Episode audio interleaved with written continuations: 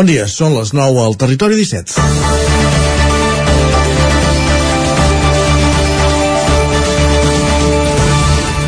Els diaris es comencen a llegir pel davant o pel darrere.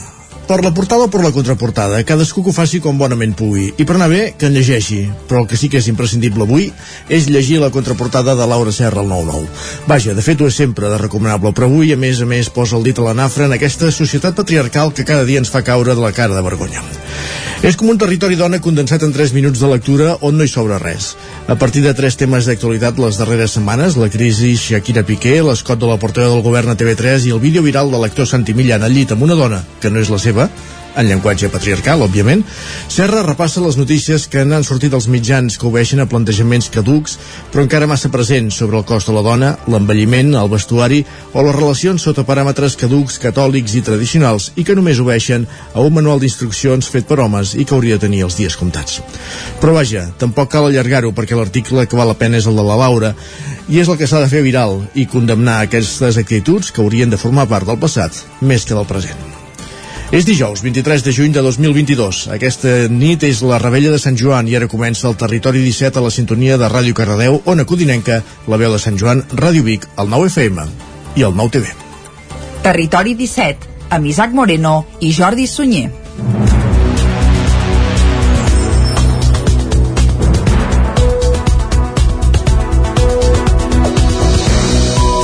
Doncs vinga, passa un minut i mig llarg d'avui, dijous, dia 23 de juny de 2022, vigília de Sant Joan, Diada Nacional dels Països Catalans, i avui el que tocarà és coques, petards, fogueres, tot plegat, però amb precaució, mesura i sobretot molta prudència en el cas de fogueres i petards i absteniu-vos d'usar-ne a prop de zones boscoses o agrícoles, que aquests dies són temps de cega, cap al juny la fals al puny. 500 metres, correcte. Un cop fet aquest avís i remarcarem, ho remarcarem de nou durant la resta del programa, el que farem de seguida és acostar-vos tota l'actualitat de les nostres comarques, una actualitat evidentment marcada també per la rebella de la nit més màgica de l'any any. Això ho farem durant la primera hora. Tot seguit, a les 10 actualitzarem de nou butlletins informatius, parlarem del temps, també per saber el temps que ens espera per aquest llarg cap de setmana i a l'entrevista, Isaac, cap on anirem? Avui des de Ràdio Televisió Cardedeu amb les Carmunyós conversarem amb Carlos Soprenya, el gerent del Viver de Belllloc, un, per posar-nos al dia de l'activitat d'aquesta entitat. Doncs vinga, sabrem uh, sobretot casos d'inserció laboral que han fomentat des del Viver de Belllloc amb l'entrevista que mantindrem amb Carlos Sopenya. Tot seguit, a dos quarts d'onze serà el moment de les piulades amb Guillem Sánchez. Tot seguit anirem a la taula de redacció i després d'excursió cap a la plaça. La plaça, l'espai de nova economia que cada setmana ens acosta la Maria López des de Ràdio Televisió Cardedeu en companyia d'11.cat tractant aspectes de, de la nova economia en clau d'actualitat.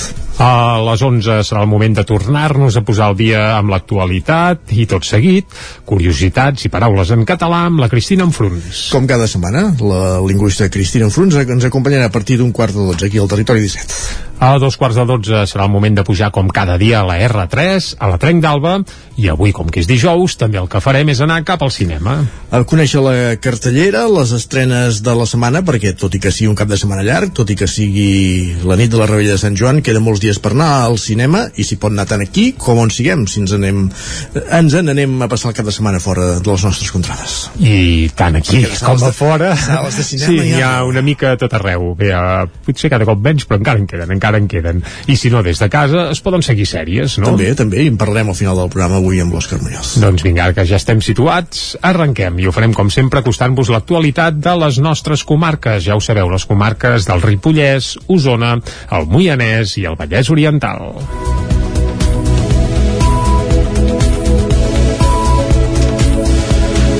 El ple de l'Ajuntament de Manlleu aprova una moció acordada entre la plataforma ciutadana Manlleu diu prou i diversos grups municipals per la millora de la seguretat a la ciutat. De fet, tots els grups excepte la CUP. El text consta de 14 punts que des de la plataforma consideren que han de servir per solucionar les problemàtiques més urgents. Entre les demandes hi ha la presència permanent dels Mossos a Manlleu, que enllaça amb una petició ja feta des de l'Ajuntament a la Generalitat i que a la ciutat hi hagi una comissaria dels Mossos. La CUP va votar en contra de la moció, considerant que calen intervencions socials i no només un increment de la presència policial. Després de la tensió que es va viure al ple del mes de maig, amb la presència de desenes de veïns que protestaven per la inseguretat, l'Ajuntament de Manlleu aprovava en la sessió plenària d'aquest dimarts una moció per la millora de les mesures de seguretat i la presència de més efectius policials a la ciutat. L'ha impulsat la plataforma Manlleu diu prou en converses amb els diferents grups polítics que hi ha a l'Ajuntament de Manlleu i es va aprovar amb els vots a favor dels dos grups de govern, Esquerra i Junts, també el PSC i els dos regidors no adscrits. El text consta de 14 14 punts, entre els quals ampliar els efectius de la policia local, potenciar els agents de convivència o fer un seguiment de les ocupacions il·legals d'habitatges. També s'hi reclama una dotació permanent i indefinida de Mossos d'Esquadra a Manlleu, que enllaça amb la petició d'una comissaria de la policia catalana que ja s'havia fet des de l'equip de govern. Escoltem per aquest ordre Antoni Poyato, regidor del PSC, i Arnau Rovira, regidor de Seguretat Ciutadana a l'Ajuntament de Manlleu. Podem fer la pressió necessària per intentar aconseguir tenir aquesta comissaria que pot ser mixta mixta. Per tant, si encara no hem començat la comissaria de la policia local, plantegem-nos la possibilitat de créixer amb aquesta comissaria dels Mossos i farem la pressió allà on calgui per aconseguir-la. S'han fet, fet gestions. Aquí el que us animo és que en la propera Junta Local de Seguretat, en la que estem pendents de convocar-la perquè esperem la presència del conseller i la seva agenda marca eh, la convocatòria, us animo que ho comentem entre tots i que entre tots fem la pressió i segur que a veure si ens en sortim.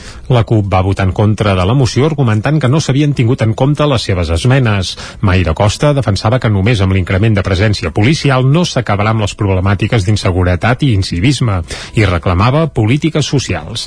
Des de la plataforma Manlleu diu prou, en canvi, consideren que la moció fixa mesures concretes que han de tenir efecte a curt termini. Ho remarcava Francesc Lorente, de la plataforma. L'escoltem. Nosaltres volem unes mesures que siguin ara, que es puguin eh, implementar a curt termini per començar a tenir resultats. Jo no sé si això fa dos, tres anys que s'havia de fer.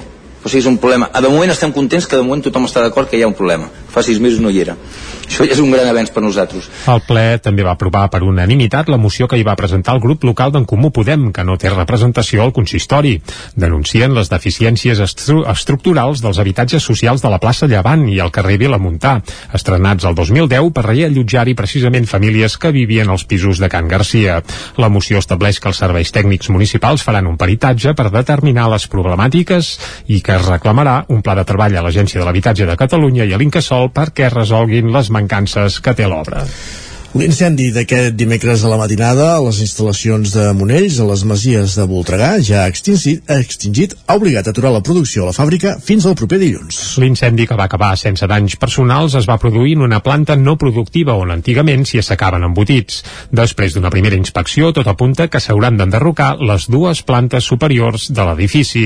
L'empresa calcula fer-ho durant aquest llarg cap de setmana, amb la intenció de garantir l'accés a treballadors i transportistes a partir de dilluns i poder recuperar així l'activitat. Els bombers van rebre l'avís de l'incendi a tres quarts de tres de la matinada de dimecres i van donar el servei per acabat a les 7 del matí. A mitja tarda, però, hi van tornar perquè sortia fum d'una de les restes i el foc es va donar per extingit del tot a les 4 de la tarda. Les primeres hipòtesis apunten que el foc hauria estat fortuït i que s'hauria produït per alguna anomalia elèctrica. Es presenta a Manlleu la campanya sobre motius amb l'objectiu de lluitar contra el canvi climàtic. El pla pretén sensibilitzar la població sobre la situació d'emergència climàtica, explica les mesures que hi ha pres el consistori per fer-hi front i també dona consells al veïnat per estalviar energia o avançar cap a un consum més responsable. Una fotografia gegantina de la plaça Fra Bernadí inundada per una crescuda sobtada del riu Ter és una de les tres que es poden veure des de dilluns a la plaça de Manlleu. Les imatges són per sensibilitzar la població sobre l'emergència climàtica i la campanya arrenca precisament precisament després d'uns dies de calor excepcional. Escoltem per aquest ordre a l'alcalde de Manlleu, Àlex Garrido, i el regidor de l'Agenda 2030, David Bosch. Estem eh, altra vegada i malauradament eh, tenint un estiu amb incendis importants i això no és res més també que producte de l'escalfament global i de l'emergència climàtica que viu eh, aquest món cada vegada més globalitzat. Això de l'emergència climàtica no és una qüestió que sigui per, políticament correcte per quedar bé, sinó que realment són uns riscos que tenim a tocar cada vegada, com, és, com hem vist ara fa molt poc, aquesta setmana passada, les calors, les onades de calor ens seran més sufocants i a més a més eh, en, en, en mesos en què realment no estàvem acostumats a tenir-les i per tant doncs, eh, hem d'actuar ara i per això eh, ens comprometem com a Ajuntament i com a municipi a fer-ho possible. En el cas de Manlleu ja s'ha posat fil a l'agulla per des del consistori lluitar contra l'emergència climàtica. Les accions impacten en totes les regidories de manera transversal i continuada en el temps i, entre d'altres, es preveu implantar el bicibús a partir del setembre, posar plaques solars a tots els equipaments municipals o posar en marxa la, resida de, la recollida, volem dir, de residus porta a porta a partir del novembre. S'obren motius per lluitar contra l'emergència climàtica. Aquest és el crit d'alerta que es llança des de Manlleu amb una campanya que arrenca ara i que malauradament no té data de caducitat. I com dèiem, avui és nit de Rebella, la nit de Sant Joan, i a, part i a part de les coques i el cava, un altre dels elements tradicionals a la nit més màgica de l'any són els petards.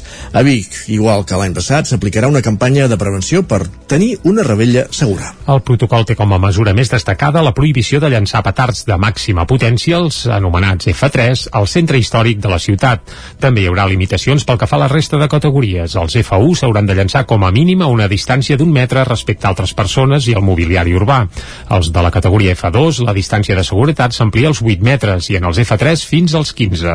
Amb la celebració de Sant Joan també s'engega la campanya Activa el silenci, on els agents cívics de la ciutat vetllen i fan prendre consciència de les molèsties que té per a la salut fer excessiu soroll al carrer, sobretot en hores nocturnes.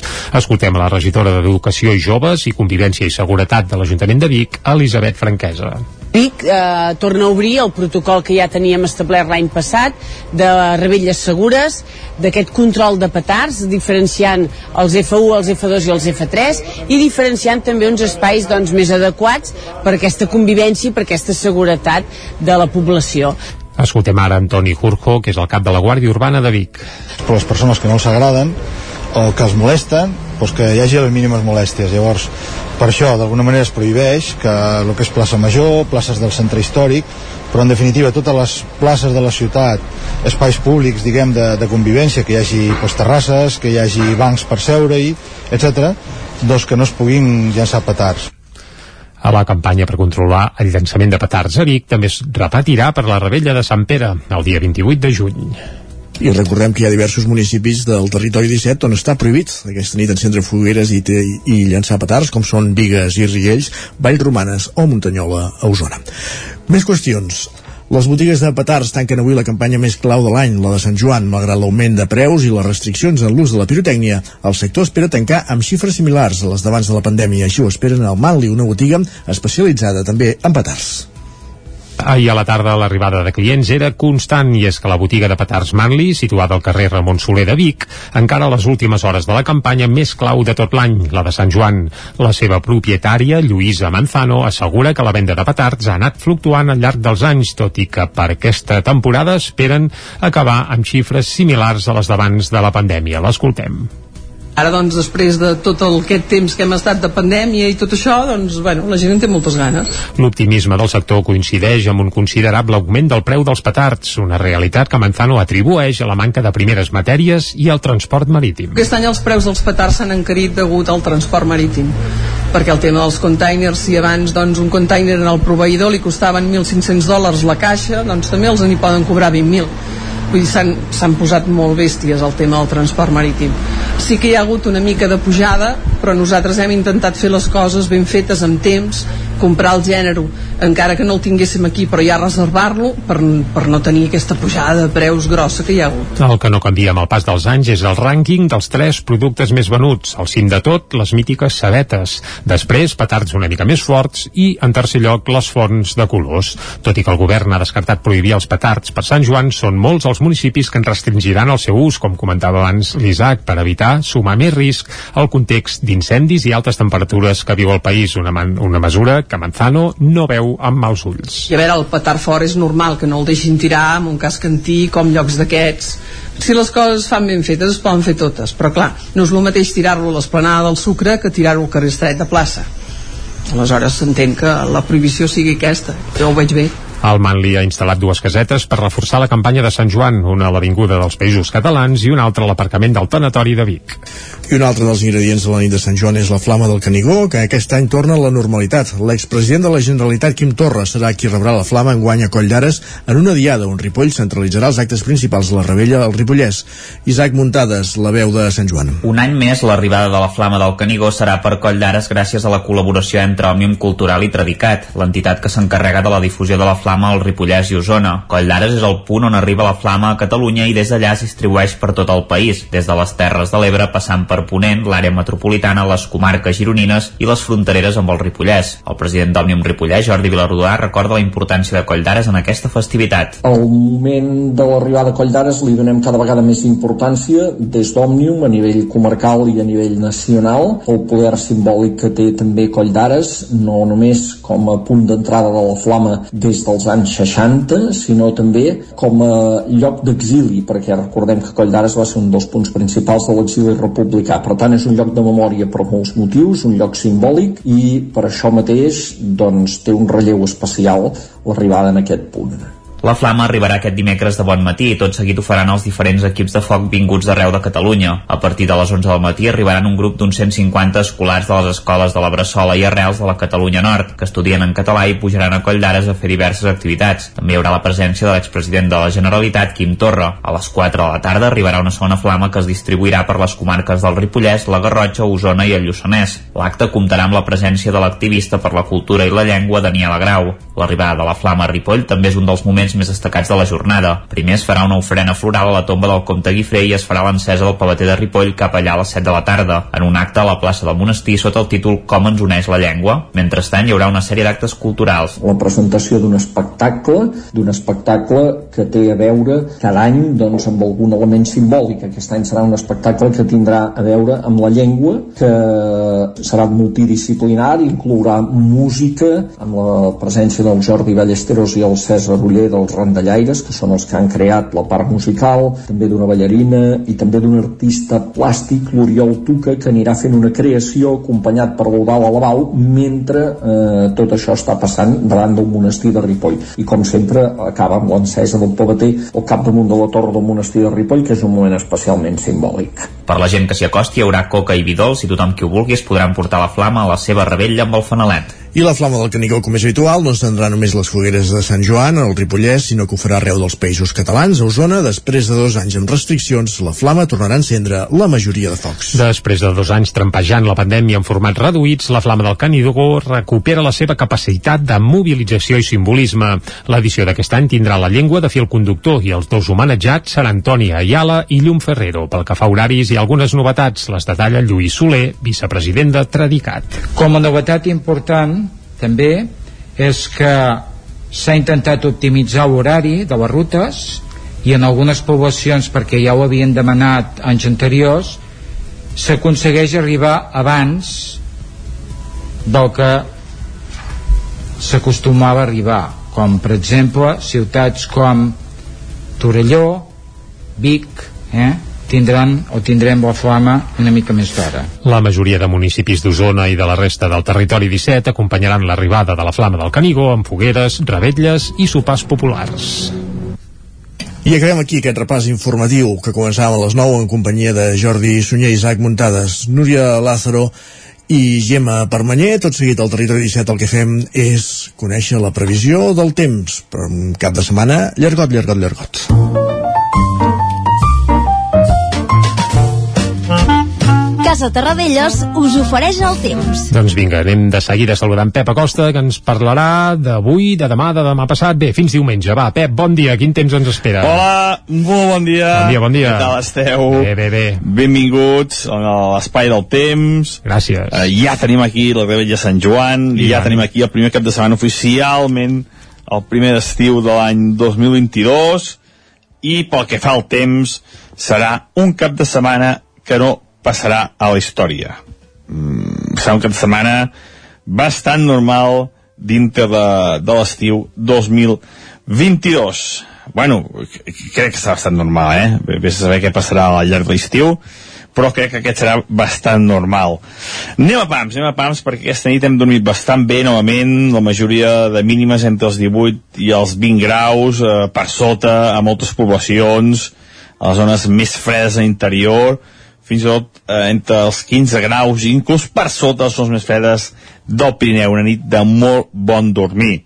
Hi ha bastants núvols, l'ambient avui serà entre mig i molt nublat en moltes zones, seguim amb aquesta tònica aquests últims dies, eh, aquest ambient eh, una mica més ennuvolat, i de cara al migdia queixaran nuvolades.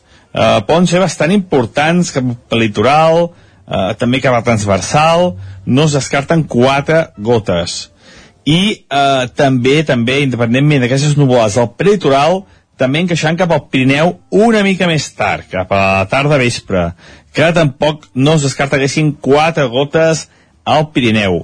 Uh, poca cosa. En general, la rebella serà tranquil·la, uh, no plourà en lloc i les temperatures seran uh, força agradables. Agradables per, per altes, és a dir, que no seran molt altes, i agradables per baixes, no seran molt baixes. Sí que farà una mica de fresqueta als jocs més freds de, de les comarques, una mica de fresqueta, un gessellet farà falta sense cap mena de dubtes i les temperatures màximes, la majoria entre els 25 i els 30 graus. Molt a ratlla, molt normals per l'època de l'any, recordo vetlles amb moltíssima més calor que la d'avui. El cap de setmana, el cap de setmana serà tranquil.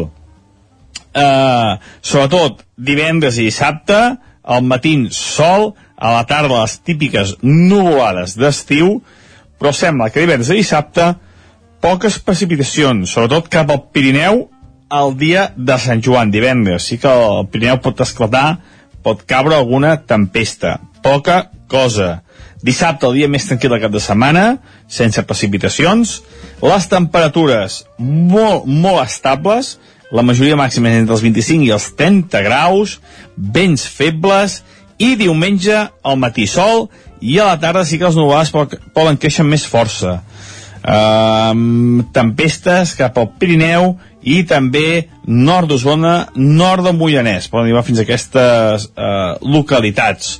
Les precipitacions, tant divendres com diumenge, no seran molt destacables, no seran tempestes molt, molt importants ni de bon tros. La majoria entre el 0 i els 5 litres.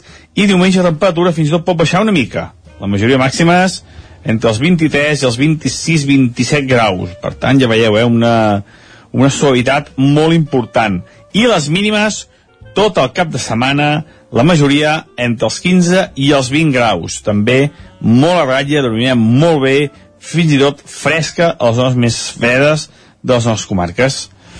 I això és tot, a disfrutar aquest cap de setmana, un cap de setmana important, és el cap de setmana de Sant Joan, moltíssima gent estarà fora, per tant, precaució al cotxe, i uh, un cap de setmana important, és la rebella de, de Sant Joan, i que serà uh, molt, molt, molt normal perquè fa el temps, no hi haurà grans alteracions meteorològiques, un cap de setmana ideal per disfrutar-lo, uh, perquè el temps acompanyarà uh, amb la majoria de, dels actes que teniu previstos.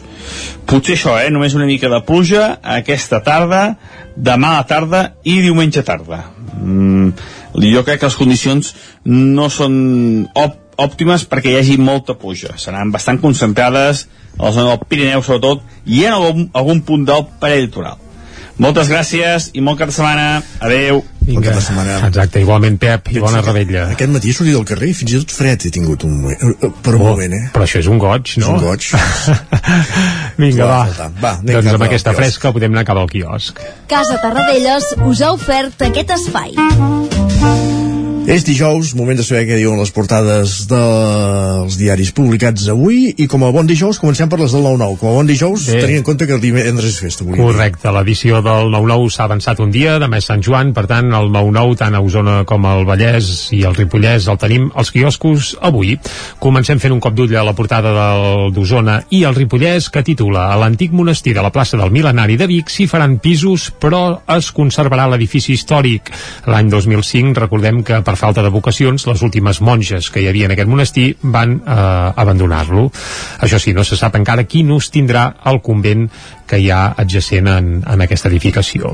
També hi trobem que un incendi obligarà a enderrocar dues plantes de la fàbrica d'embotits Monells a les Masies i que eh, la collita de cereals s'ha reduït un 35% per culpa de la glaçada de l'abril i el cop de calor del maig. També Manlleu fa front comú per insistir en la comissaria dels Mossos. Anem cap al Vallès Oriental, titular principal del 9-9, Barat Alte ja té el vistiplau de Bosch per comprar la planta de Lliçà damunt.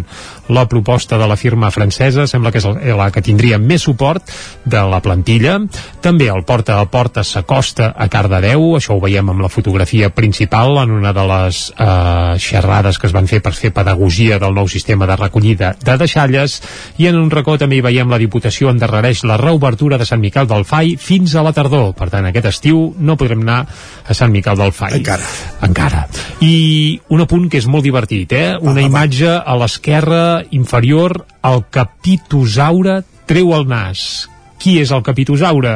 Doncs atenció, és un dinosaure que viu a Sant Pere de Vilamajor. Què vols dir que viu? Sí, sí, el que passa que és una imatge recreada, eh? no és de veritat. Uh, I és que la Mongia, Sant Pere de Vilamajor, acull una exposició amb imatges recreades al Pla de la Calma del capitosaure, un rèptil que habitava el Montseny fa 240 milions d'anys. És a dir, ara Carai. de viu no n'hi ha cap, però recreat doncs n'hi ha un i es pot veure, per exemple, a la portada del 9-9 del Vallès no, és que si, uh, si fos oriental. viu no hauríem sentit parlar. Sí, home, segurament.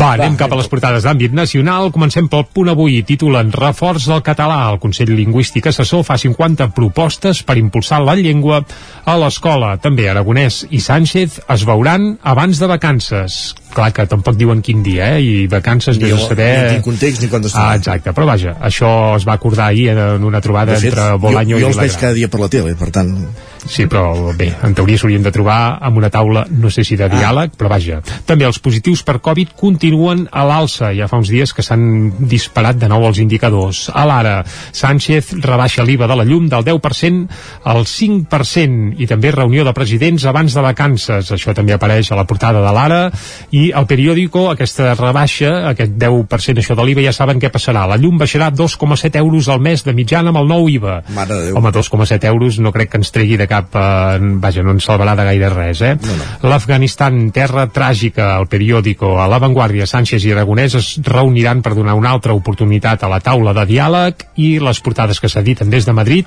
Deixem anar ràpidament a l'ABC, és que avui és divertidíssima, les altres les deixarem i tot, que és Sant Joan, tu. Uh, la Moncloa subvenciona la principal entitat de l'expansió catalanista. Quina és aquesta entitat?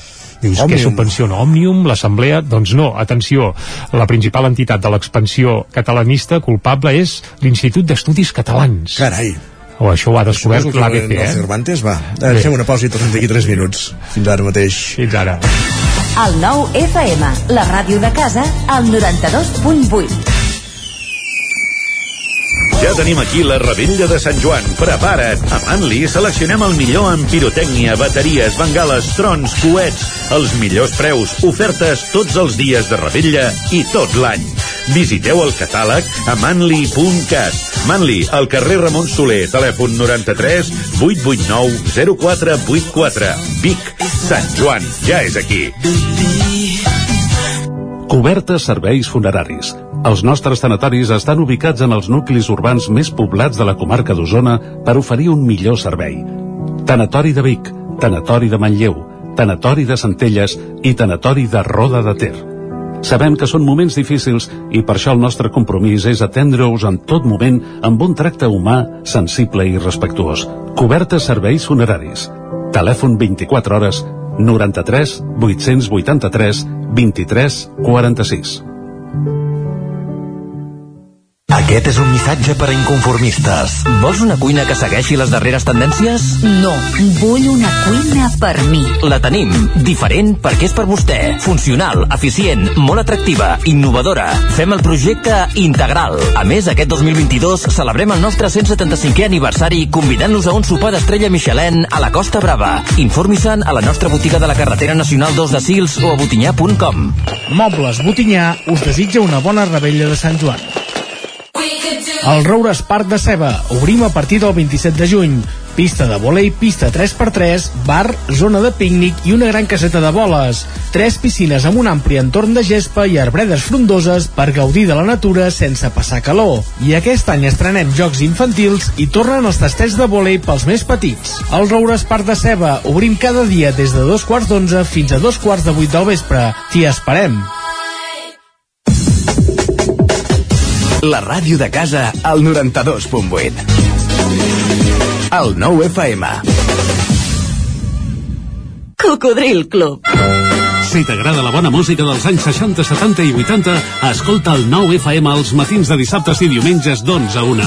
És el temps del Cocodril Club, tot un clàssic de la ràdio, amb les bases del pop-rock, les llegendes, les cançons que s'han convertit en autèntics himnes. Recorda, dissabtes i diumenges al matí, d'11 a 1, al 9 FM 92.8. Cocodril Club, el programa revival de l'Albert Malla. Hasta luego, cocodrilo. Anuncia't al 9FM. La màquina de casa. 9 3 8 8 9 4 9 4 9 Publicitat arroba al 9FM.cat. Anuncia't al 9FM. La publicitat més eficaç. El 9 FM. El 9 FM. El 9 FM. En punt, dos quarts de 10 al territori 17. Territori 17, amb Isaac Moreno i Jordi Sunyer.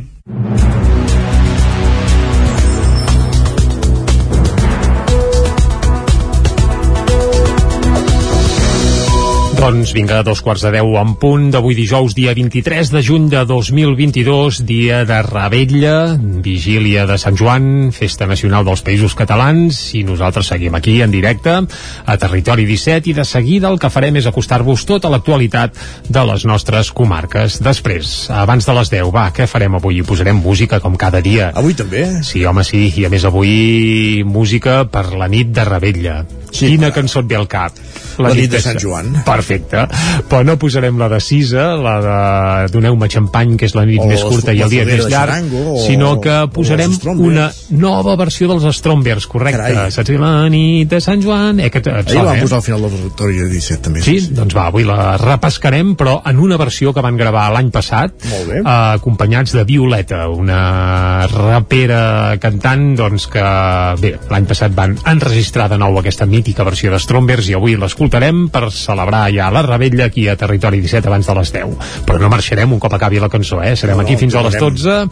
12 i a les 10 el que farem és actualitzar butlletins informatius i tot seguit a l'entrevista anirem a Carda de 10, oi? Exacte, per parlar d'inserció sociolaboral amb, des del Viver Belllloc amb el seu gerent, amb en Carlos Sopenya i ho farem en companyia de l'Òscar Muñoz de Ràdio Televisió Cardedeu. Vinga, més coses. A dos quarts d'onze serà el moment de les piulades amb Guillem Sánchez. Tot seguit passarem per la taula de redacció i després anirem cap a la plaça. Amb la Maria López de Ràdio Televisió Cardedeu i 11.cat parlant d'aspectes de la nova economia. A les 11, més notícies i tot seguit, curiositats i paraules en català, amb la Cristina Enfruns, que ens visita cada 15 dies. Repassarem com dir correctament alguna expressió relacionada amb algun tema d'actualitat i també esmenarem la lletra d'alguna cançó en català com cada 15 dies que ens acompanya la Cristina, a partir d'un quart de 12. Si deu valer dir verbena, que és molt no, genuí, Jo no? diria rebella, no?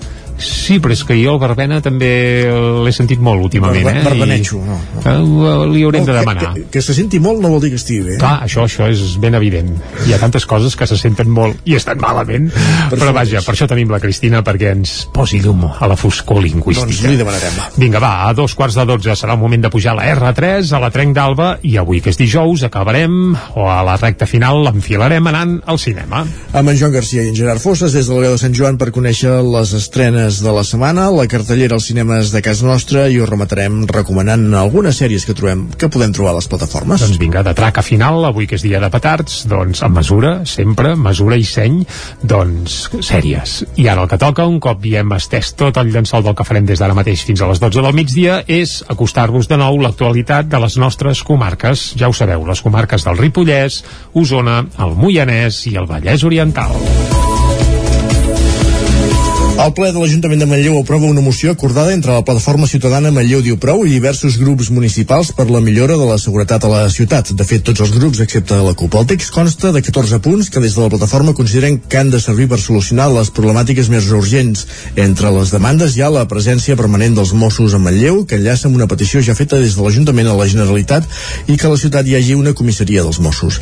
La CUP va votar en contra de la moció, considerant que calen intervencions socials i no només un increment de la presència policial. Després de la tensió que es va viure al ple del mes de maig, amb la presència de desenes de veïns que protestaven per la inseguretat, l'Ajuntament de Manlleu aprovava en la sessió plenària d'aquest dimarts una moció per la millora de les mesures de seguretat i la presència de més efectius policials a la ciutat. L'ha impulsat la plataforma Manlleu diu prou en converses amb els diferents grups polítics que hi ha a l'Ajuntament de Manlleu i es va aprovar amb els vots a favor dels dos grups de govern, Esquerra i Junts, també el PSC i els dos regidors no adscrits. El text consta de 14 punts, entre els quals ampliar els efectius de la policia local, potenciar els agents de convivència o fer un seguiment de les ocupacions il·legals d'habitatges. També s'hi reclama una dotació permanent i indefinida de Mossos d'Esquadra a Manlleu, que enllaça amb la petició d'una comissaria de la policia catalana que ja s'havia fet des de l'equip de govern. Escoltem per aquest ordre Antoni Poyato, regidor del PSC, i Arnau Rovira, regidor de Seguretat Ciutadana a l'Ajuntament de Manlleu. Podem fer la pressió necessària per intentar aconseguir tenir aquesta comissaria que pot ser mixta. Per tant, si encara no hem començat la comissaria de la policia local, plantegem-nos la possibilitat de créixer amb aquesta comissaria dels Mossos i farem la pressió allà on calgui per aconseguir-la.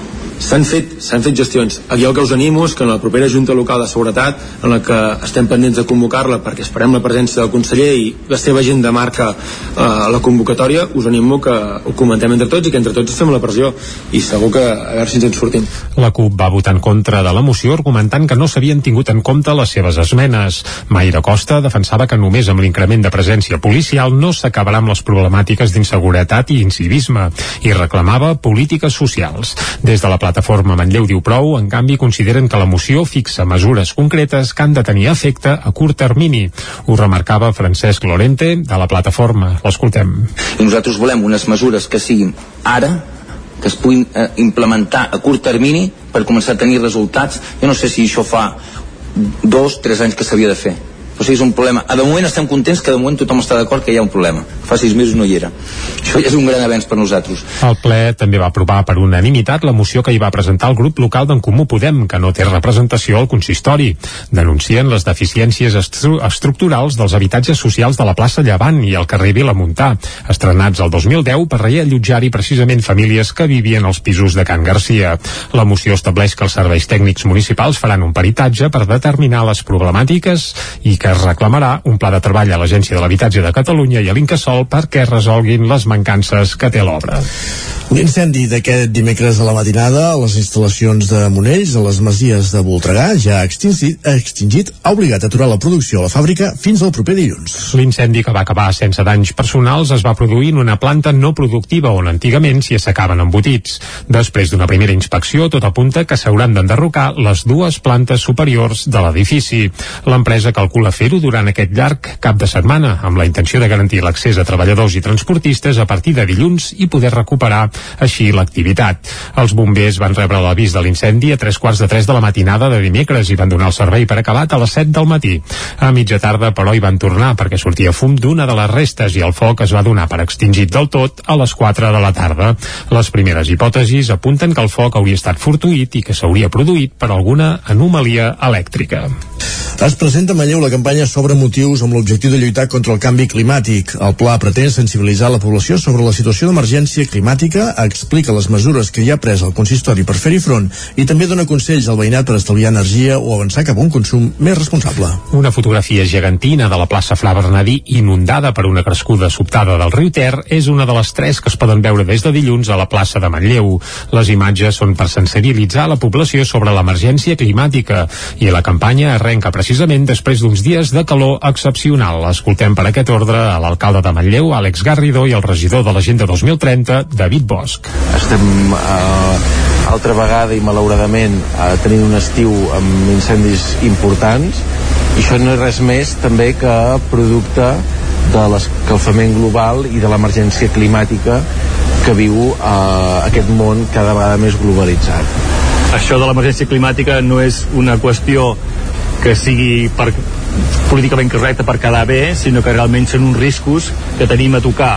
Cada vegada, com, és, com hem vist ara fa molt poc, aquesta setmana passada, les calors, les onades de calor ens seran més sufocants i a més a més en, en, en mesos en què realment no estàvem acostumats a tenir-les i per tant doncs, eh, hem d'actuar ara i per això eh, ens comprometem com a Ajuntament i com a municipi a fer-ho possible.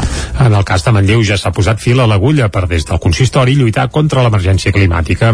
Les accions impacten en totes les regidories de manera transversal i continuada en el temps i, entre d'altres, es preveu implantar el bicibús a partir del setembre, posar plaques solars a tots els equipaments municipals o posar en marxa la, resida de, la recollida, volem dir, de residus porta a porta a partir del novembre. S'obren motius per lluitar contra l'emergència climàtica. Aquest és el crit d'alerta que es llança des de Manlleu amb una campanya que arrenca ara i que malauradament no té data de caducitat. I com dèiem, avui és nit de Rebella, la nit de Sant Joan, i a, part, i a part de les coques i el cava, un altre dels elements tradicionals a la nit més màgica de l'any són els petards. A Vic, igual que l'any passat, s'aplicarà una campanya de prevenció per tenir una rebella segura. El protocol té com a mesura més destacada la prohibició de llançar petards de màxima potència, els anomenats F3, al centre històric de la ciutat. També hi haurà limitacions pel que fa a la resta de categories. Els F1 s'hauran de llançar com a mínim a una distància d'un metre respecte a altres persones i el mobiliari urbà. Els de la categoria F2, la distància de seguretat s'amplia als 8 metres i en els F3 fins als 15. Amb la celebració de Sant Joan també s'engega la campanya Activa el silenci, on els agents cívics de la ciutat vetllen i fan prendre consciència de les molèsties que té per a la salut fer excessiu soroll al carrer, sobretot en hores nocturnes. Escoltem la regidora d'Educació i Joves i Convivència i Seguretat de l'Ajuntament de Vic, Elisabet Franquesa. Vic eh, torna a obrir el protocol que ja teníem establert l'any passat de rebelles segures, d'aquest control de petards, diferenciant els F1, els F2 i els F3 i diferenciant també uns espais doncs, més adequats per aquesta convivència i per aquesta seguretat de la població. Escoltem ara Antoni Jurjo, que és el cap de la Guàrdia Urbana de Vic. Per les persones que no els agraden o que els molesten, doncs que hi hagi les mínimes molèsties. Llavors, per això, d'alguna manera es prohibeix que el que és plaça Major, places del centre històric, però en definitiva totes les places de la ciutat, espais públics, diguem, de, de convivència, que hi hagi doncs, terrasses, que hi hagi bancs per seure-hi, etc., doncs que no es puguin llançar petards. A la campanya per controlar el llançament de petards a Vic també es repetirà per la rebella de Sant Pere, el dia 28 de juny. I recordem que hi ha diversos municipis del territori 17 on està prohibit aquesta nit encendre fogueres i, i, i llançar petards, com són Vigues i Riells, Vallromanes o Muntanyola a Osona. Més qüestions. Les botigues de petards tanquen avui la campanya més clau de l'any, la de Sant Joan. Malgrat l'augment de preus i les restriccions en l'ús de la pirotècnia, el sector espera tancar amb xifres similars a les d'abans de la pandèmia. Així ho esperen al Manli, una botiga especialitzada també en petards. Ahir a la tarda l'arribada de clients era constant i és que la botiga de petards Manli, situada al carrer Ramon Soler de Vic, encara a les últimes hores de la campanya més clau de tot l'any, la de Sant Joan. La seva propietària, Lluïsa Manzano, assegura que la venda de petards ha anat fluctuant al llarg dels anys, tot i que per aquesta temporada esperen acabar amb xifres similars a les d'abans de la pandèmia. L'escoltem. Ara, doncs, després de tot el, aquest temps que hem estat de pandèmia i tot això, doncs, bueno, la gent en té moltes ganes. L'optimisme del sector coincideix amb un considerable augment del preu dels petards, una realitat que Manzano atribueix a la manca de primeres matèries i al transport marítim. Aquest any els preus dels petards s'han encarit degut al transport marítim, perquè el tema dels containers, si abans doncs, un container en el proveïdor li costaven 1.500 dòlars la caixa, doncs també els n'hi poden cobrar 20.000 vull dir, s'han posat molt bèsties el tema del transport marítim sí que hi ha hagut una mica de pujada però nosaltres hem intentat fer les coses ben fetes amb temps, comprar el gènere encara que no el tinguéssim aquí però ja reservar-lo per, per no tenir aquesta pujada de preus grossa que hi ha hagut. El que no canvia amb el pas dels anys és el rànquing dels tres productes més venuts al cim de tot, les mítiques sabetes després, petards una mica més forts i, en tercer lloc, les fonts de colors. Tot i que el govern ha descartat prohibir els petards per Sant Joan, són molts els municipis que en restringiran el seu ús, com comentava abans l'Isaac, per evitar sumar més risc al context d'incendis i altes temperatures que viu el país, una, man una mesura que Manzano no veu amb mals ulls. I a veure, el petard fora és normal que no el deixin tirar amb un casc antic com llocs d'aquests. Si les coses fan ben fetes es poden fer totes, però clar, no és el mateix tirar-lo a l'esplanada del sucre que tirar-ho al carrer estret de plaça. Aleshores s'entén que la prohibició sigui aquesta, jo ho veig bé. El Manli ha instal·lat dues casetes per reforçar la campanya de Sant Joan, una a l'Avinguda dels Països Catalans i una altra a l'aparcament del Tanatori de Vic. I un altre dels ingredients de la nit de Sant Joan és la flama del Canigó, que aquest any torna a la normalitat. L'expresident de la Generalitat, Quim Torra, serà qui rebrà la flama en guany a Coll d'Ares en una diada on Ripoll centralitzarà els actes principals de la rebella al Ripollès. Isaac Muntades, la veu de Sant Joan. Un any més, l'arribada de la flama del Canigó serà per Coll d'Ares gràcies a la col·laboració entre Òmnium Cultural i Predicat, l'entitat que s'encarrega de la difusió de la flama al Ripollès i Osona. Coll d'Ares és el punt on arriba la flama a Catalunya i des d'allà es distribueix per tot el país, des de les Terres de l'Ebre passant per Ponent, l'àrea metropolitana, les comarques gironines i les frontereres amb el Ripollès. El president d'Òmnium Ripollès, Jordi Vilarrodà, recorda la importància de Coll d'Ares en aquesta festivitat. Al moment de l'arribada a Coll d'Ares li donem cada vegada més importància des d'Òmnium a nivell comarcal i a nivell nacional. El poder simbòlic que té també Coll d'Ares, no només com a punt d'entrada de la flama des dels anys 60, sinó també com a lloc d'exili, perquè recordem que Coll d'Ares va ser un dels punts principals de l'exili republicà. Per tant, és un lloc de memòria per molts motius, un lloc simbòlic, i per això mateix doncs, té un relleu especial l'arribada en aquest punt. La flama arribarà aquest dimecres de bon matí i tot seguit ho faran els diferents equips de foc vinguts d'arreu de Catalunya. A partir de les 11 del matí arribaran un grup d'uns 150 escolars de les escoles de la Bressola i Arrels de la Catalunya Nord, que estudien en català i pujaran a Coll d'Ares a fer diverses activitats. També hi haurà la presència de l'expresident de la Generalitat, Quim Torra. A les 4 de la tarda arribarà una segona flama que es distribuirà per les comarques del Ripollès, la Garrotxa, Osona i el Lluçanès. L'acte comptarà amb la presència de l'activista per la cultura i la llengua, Daniela Grau. L'arribada de la flama a Ripoll també és un dels moments més destacats de la jornada. Primer es farà una ofrena floral a la tomba del comte Guifré i es farà l'encesa del palater de Ripoll cap allà a les 7 de la tarda, en un acte a la plaça del monestir sota el títol Com ens uneix la llengua. Mentrestant, hi haurà una sèrie d'actes culturals. La presentació d'un espectacle, d'un espectacle que té a veure cada any doncs, amb algun element simbòlic. Aquest any serà un espectacle que tindrà a veure amb la llengua, que serà multidisciplinar, inclourà música, amb la presència del Jordi Ballesteros i el César Uller dels Randallaires, que són els que han creat la part musical, també d'una ballarina i també d'un artista plàstic, l'Oriol Tuca, que anirà fent una creació acompanyat per l'Eudal Alabau mentre eh, tot això està passant davant del monestir de Ripoll. I com sempre acaba amb l'encesa del pavater al capdamunt de la torre del monestir de Ripoll, que és un moment especialment simbòlic. Per la gent que s'hi acosti hi haurà coca i vi dolç i tothom qui ho vulgui es podrà emportar la flama a la seva rebella amb el fanalet. I la flama del Canigó, com és habitual, no estendrà només les fogueres de Sant Joan al Ripollès, sinó que ho farà arreu dels països catalans. A Osona, després de dos anys amb restriccions, la flama tornarà a encendre la majoria de focs. Després de dos anys trampejant la pandèmia en formats reduïts, la flama del Canigó recupera la seva capacitat de mobilització i simbolisme. L'edició d'aquest any tindrà la llengua de fil conductor i els dos homenatjats seran Toni Ayala i Llum Ferrero. Pel que fa horaris i algunes novetats, les detalla Lluís Soler, vicepresident de Tradicat. Com a novetat important també és que s'ha intentat optimitzar l'horari de les rutes i en algunes poblacions perquè ja ho havien demanat anys anteriors s'aconsegueix arribar abans del que s'acostumava a arribar com per exemple ciutats com Torelló Vic eh? Tindran o tindrem la flama una mica més d'hora. La majoria de municipis d'Osona i de la resta del territori 17 acompanyaran l'arribada de la flama del Canigó amb fogueres, revetlles i sopars populars. I acabem aquí aquest repàs informatiu que començava a les 9 en companyia de Jordi Sunyer i Isaac Muntades, Núria Lázaro i Gemma Permanyer. Tot seguit al territori 17 el que fem és conèixer la previsió del temps, però en cap de setmana llargot, llargot, llargot. Casa Terradellos us ofereix el temps. Doncs vinga, anem de seguida saludant Pep Acosta, que ens parlarà d'avui, de demà, de demà passat. Bé, fins diumenge. Va, Pep, bon dia. Quin temps ens espera? Hola, molt bon dia. Bon dia, bon dia. Què tal esteu? Bé, bé, bé. Benvinguts a l'espai del temps. Gràcies. Uh, ja tenim aquí la Rebella de Sant Joan, i ja tenim aquí el primer cap de setmana oficialment, el primer d'estiu de l'any 2022, i pel que fa al temps, serà un cap de setmana que no passarà a la història. Mm, serà un cap de setmana bastant normal dintre de, de l'estiu 2022. Bueno, crec que està bastant normal, eh? Vés a saber què passarà al llarg de l'estiu, però crec que aquest serà bastant normal.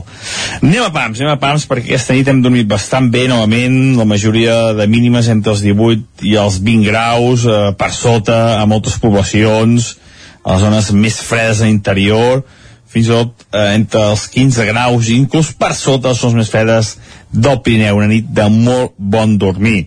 Hi ha bastants núvols, l'ambient avui serà entre mig i molt nublat en moltes zones, seguim amb aquesta tònica aquests últims dies, eh, d'aquest ambient eh, una mica més ennuvolat, i de cara al migdia que seran nuvolades. Eh, poden ser bastant importants cap al litoral, eh, també cap al transversal, no es descarten quatre gotes. I eh, també, també, independentment d'aquestes nuvolades del prelitoral, també encaixant cap al Pirineu una mica més tard, cap a la tarda vespre, que tampoc no es descarta que quatre gotes al Pirineu. Uh, poca cosa. En general, la rebella serà tranquil·la, uh, no plourà en lloc i les temperatures seran uh, força agradables. Agradables per, per altes, és a dir, que no seran molt altes, i agradables per baixes, no seran molt baixes. Sí que farà una mica de fresqueta als jocs més freds de, de les comarques, una mica de fresqueta, un gessellet farà falta sense cap mena de dubtes i les temperatures màximes, la majoria entre els 25 i els 30 graus. Molt a ratlla, molt normals per l'època de l'any, recordo vetlles amb moltíssima més calor que la d'avui. El cap de setmana, el cap de setmana serà tranquil. Uh, sobretot divendres i dissabte, al matí sol, a la tarda les típiques nuvolades d'estiu, però sembla que divendres i dissabte poques precipitacions, sobretot cap al Pirineu el dia de Sant Joan, divendres. Sí que el Pirineu pot esclatar, pot caure alguna tempesta. Poca cosa. Dissabte, el dia més tranquil del cap de setmana, sense precipitacions. Les temperatures molt, molt estables, la majoria màxima entre els 25 i els 30 graus, vents febles, i diumenge al matí sol i a la tarda sí que els nuvolades poden créixer més força. Um, tempestes cap al Pirineu i també nord d'Osona, nord de Moianès, poden arribar fins a aquestes eh, localitats. Les precipitacions tant divendres com diumenge no seran molt destacables, no seran tempestes molt, molt importants ni de bon tros, la majoria entre el 0 i els 5 litres. I diumenge la temperatura fins i tot pot baixar una mica. La majoria màximes entre els 23 i els 26-27 graus. Per tant, ja veieu, eh, una, una suavitat molt important. I les mínimes, tot el cap de setmana, la majoria entre els 15 i els 20 graus. També molt a ratlla, dormirem molt bé, fins i tot fresca a les zones més fredes de les nostres comarques. I això és tot, a disfrutar aquest cap de setmana, un cap de setmana important, és el cap de setmana de Sant Joan, moltíssima gent estarà fora, per tant, precaució al cotxe, i uh, un cap de setmana important, és la rebella de, de Sant Joan, i que serà uh, molt, molt, molt normal pel que fa al temps, no hi haurà grans alteracions meteorològiques, un cap de setmana ideal per disfrutar-lo, uh, perquè el temps acompanyarà uh, amb la majoria de, dels actes que tenim previstos. Potser això, eh? Només una mica de pluja aquesta tarda, demà a la tarda i diumenge tarda. Mm, jo crec que les condicions no són òp òptimes perquè hi hagi molta pluja. Seran bastant concentrades a la zona del Pirineu, sobretot, i en algun, algun punt del perellitoral. Moltes gràcies i bon cap de setmana. Adeu. Vinga, de setmana. exacte, igualment Pep i bona rebella. Aquest matí he sortit del carrer i fins i tot fred he tingut un moment, eh, per un moment, eh? Però això és un goig, no? És un goig. Vinga, va. va anem doncs amb aquesta fresca podem anar cap al quiosc. Casa Tarradellas us ha ofert aquest espai. És dijous, moment de saber què diuen les portades dels diaris publicats avui i com a bon dijous comencem per les del 9-9. Com a bon dijous, Bé. tenint en compte que el divendres és festa. volia. Correcte, l'edició del 9-9 s'ha avançat un dia, de més Sant Joan, per tant, el 9-9, tant a Osona com al Vallès i el Ripollès, el tenim als quioscos avui. Comencem fent un cop d'ull a la portada del d'Osona i el Ripollès, que titula A l'antic monestir de la plaça del Milenari de Vic s'hi faran pisos, però es conservarà l'edifici històric. L'any 2005, recordem que per per falta de vocacions, les últimes monges que hi havia en aquest monestir van eh, abandonar-lo. Això sí, no se sap encara quin ús tindrà el convent que hi ha adjacent en, en aquesta edificació. També hi trobem que un incendi obligarà a enderrocar dues plantes de la fàbrica d'embotits Monells a les Masies i que eh, la collita de cereals s'ha reduït un 35% per culpa de la glaçada de l'abril i el cop de calor del maig. També Manlleu fa front comú per insistir en la comissaria dels Mossos. Anem cap al Vallès Oriental, titular principal del 9-9, Barat Alte ja té el vistiplau de Bosch per comprar la planta de Lliçà damunt. La proposta de la firma francesa sembla que és la que tindria més suport de la plantilla. També el porta a porta s'acosta a Cardedeu, això ho veiem amb la fotografia principal en una de les eh, xerrades que es van fer per fer pedagogia del nou sistema de recollida de deixalles i en un racó també veiem la Diputació endarrereix la reobertura de Sant Miquel del Fai fins a la tardor. Per tant, aquest estiu no podrem anar a Sant Miquel del Fai. Encara. Encara. I un apunt que és molt divertit, eh? Una imatge a l'esquerra inferior, el capitosaure treu el nas qui és el capitosaure? Doncs atenció, és un dinosaure que viu a Sant Pere de Vilamajor. Que vols dir que viu? Sí, sí, el que passa que és una imatge recreada, eh? no és de veritat. Uh, I és que la Mongia, Sant Pere de Vilamajor, acull una exposició amb imatges recreades al Pla de la Calma del capitosaure, un rèptil que habitava el Montseny fa 240 milions d'anys. És a dir, ara de viu no n'hi ha cap, però recreat doncs n'hi ha un, i es pot veure, per exemple, a la portada del 9-9 del Vallès no, és que si, uh, si fos viu no hauríem sentit parlar. Sí, home, segurament. Va, anem cap a les portades d'àmbit nacional. Comencem pel punt avui. Titulen Reforç del català. El Consell Lingüístic Assessor fa 50 propostes per impulsar la llengua a l'escola. També Aragonès i Sánchez es veuran abans de vacances. Clar que tampoc diuen quin dia, eh? I vacances Ni, saber... ni quin context ni quan Ah, exacte, però vaja, això es va acordar ahir en una trobada De fet, entre Bolaño jo, jo i els veig cada dia per la tele, per tant...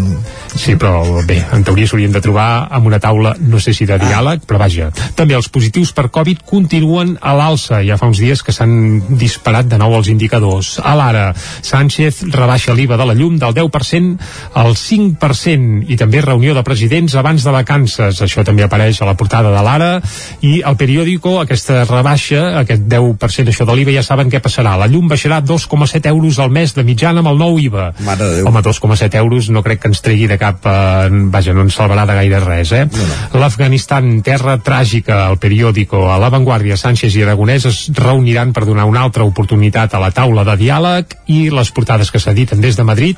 Deixem anar ràpidament a l'ABC, és que avui és divertidíssima, les altres les deixarem i tot, que és Sant Joan, tu. Uh, la Moncloa subvenciona la principal entitat de l'expansió catalanista. Quina és aquesta entitat? Dius, Òmnium. què subvenciona Òmnium, l'Assemblea? Doncs no, atenció, la principal entitat de l'expansió catalanista culpable és l'Institut d'Estudis Catalans. Carai, balla, balla, vella, volia dir. Vella Sí. pel català, clar. Això- Expressió catalanista perquè vella pel català, està Sí, clar. sí, uh, això ho han descobert a l'ABC, no apareix a cap altra de les portades que s'editen des de Madrid, és una descoberta que han fet, uh, suposo, un atac de de lucidesa Sí, a les dubte. portes de Sant Joan lúcid estava. i ràpidament farem un altre cop d'ull a altres portades va, el Mundo, el titular principal ja hem dit que no és per l'Institut d'Estudis Catalans sinó que és per Boris Johnson que, obrim cometes, diu el meu pla és liderar els turis fins a la victòria a les eleccions, per tant aquest home que vol, eh, vaja, que no pensa dimitir i no vol plegar, evidentment tot i els escàndols que l'assetgen al país. El govern, evidentment l'espanyol, prepara un xec per a 4 milions de famílies. Aquest és el principal titular que apareix al país. A la Razón, atenció a la Razón, perquè estan al nivell ABC gairebé, eh? CDRs, radicals i aversales volen boicotejar la marxa anti-OTAN de Podemos. Com has dit, CDRs, Aversales i qui més? Bé, ho diu la Razón, eh? Els CDRs, els radicals i els aversales, radicals, els que anem a l'arrel ho devem ser tots, eh? Però vaja, Sí, sí, tant és és. I ja diuen que ministres d'Izquierda Unida i diputats morats, és a dir, de Podem, eh, agiten al mateix temps la cita d'aquest diumenge. Jo ni sabia que hi havia aquesta cita, però goita, gràcies a la Ara ja ho sabem. I, I atenció, perquè sembla que els CDRs radicals i aversales volen boicotejar eh, aquesta marxa anti-OTAN que ha organitzat per diumenge doncs en aquest cas Podem, déu nhi no? Té, té gràcia no? Sí, sí, i tant. Bé, alegria, va, que som a les portes de la Rebella i per això deixem-nos de portades i posem-hi música. Uh, una bona Rebella sense música no seria el mateix, eh? I hem avançat abans que el que escoltarem avui és precisament la nit de Sant Joan Uh, quan, per, quan parlem...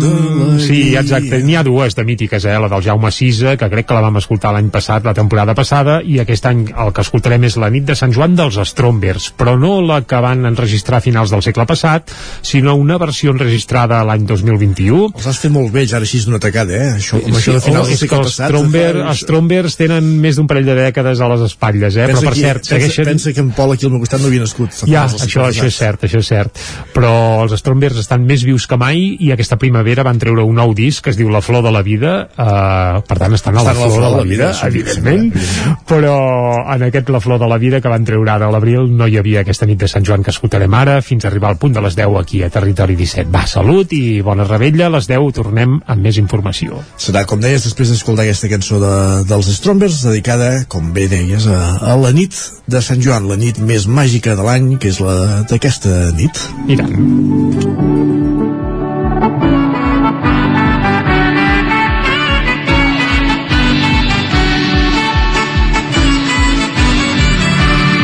Hi va haver una festa com Déu mana, ahir hi havia els Strombers tocant en un poble de gent de puta mare i era la nit de Sant Joan. D'alegria, de fum i beure, no em va faltar pas ni un instant. I ben d'hora, ritme de rumba, uns ja es van a despullar.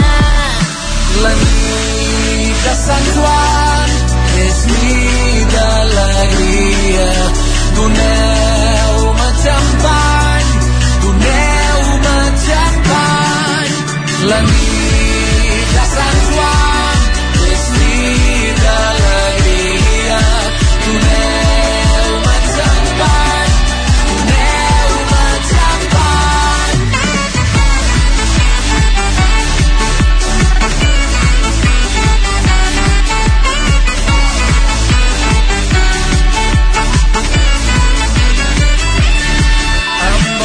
per aquella nit la nit se... i es anava fotent de dia i el Jack que no apareixia. Nit de Sant Joan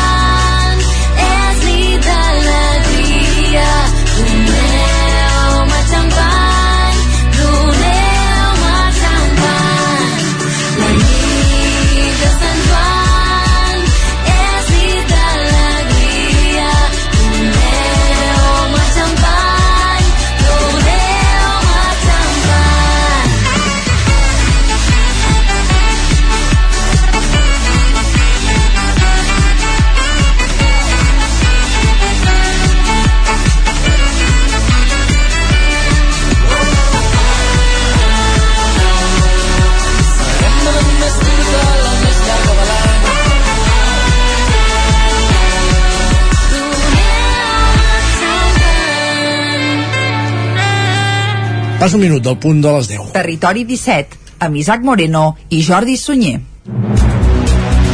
Moment al territori 17 d'actualitzar-nos, de posar-nos al dia amb les notícies més destacades de les nostres comarques, el Ripollès, Osona, el Moianès i el Vallès Oriental, en connexió amb les diferents emissores del territori 17, la veu de Sant Joan, Ona Codinenca, Ràdio Cardedeu, Ràdio Vic, el 9 FM i el 9 TV. Per explicar-vos que la delegada del govern a la Catalunya Central, l'exalcaldessa de Sant Quirze, Rosa Bastit, fa balanç del primer any de legislatura eh, amb ell al capdavant d'aquesta delegació. Destaca la feina feta des dels serveis territorials d'educació i de salut per la pandèmia i també la d'interior davant del complex estiu que es preveu per l'elevat risc d'incendis. La delegació territorial del govern a la Catalunya Central ha fet balanç del primer any de legislatura amb Rosa Bastit al capdavant. Segons la delegada territorial, aquest primer any s'ha caracteritzat per, sobretot, teixir aliances. Escoltem a Rosa Bastit.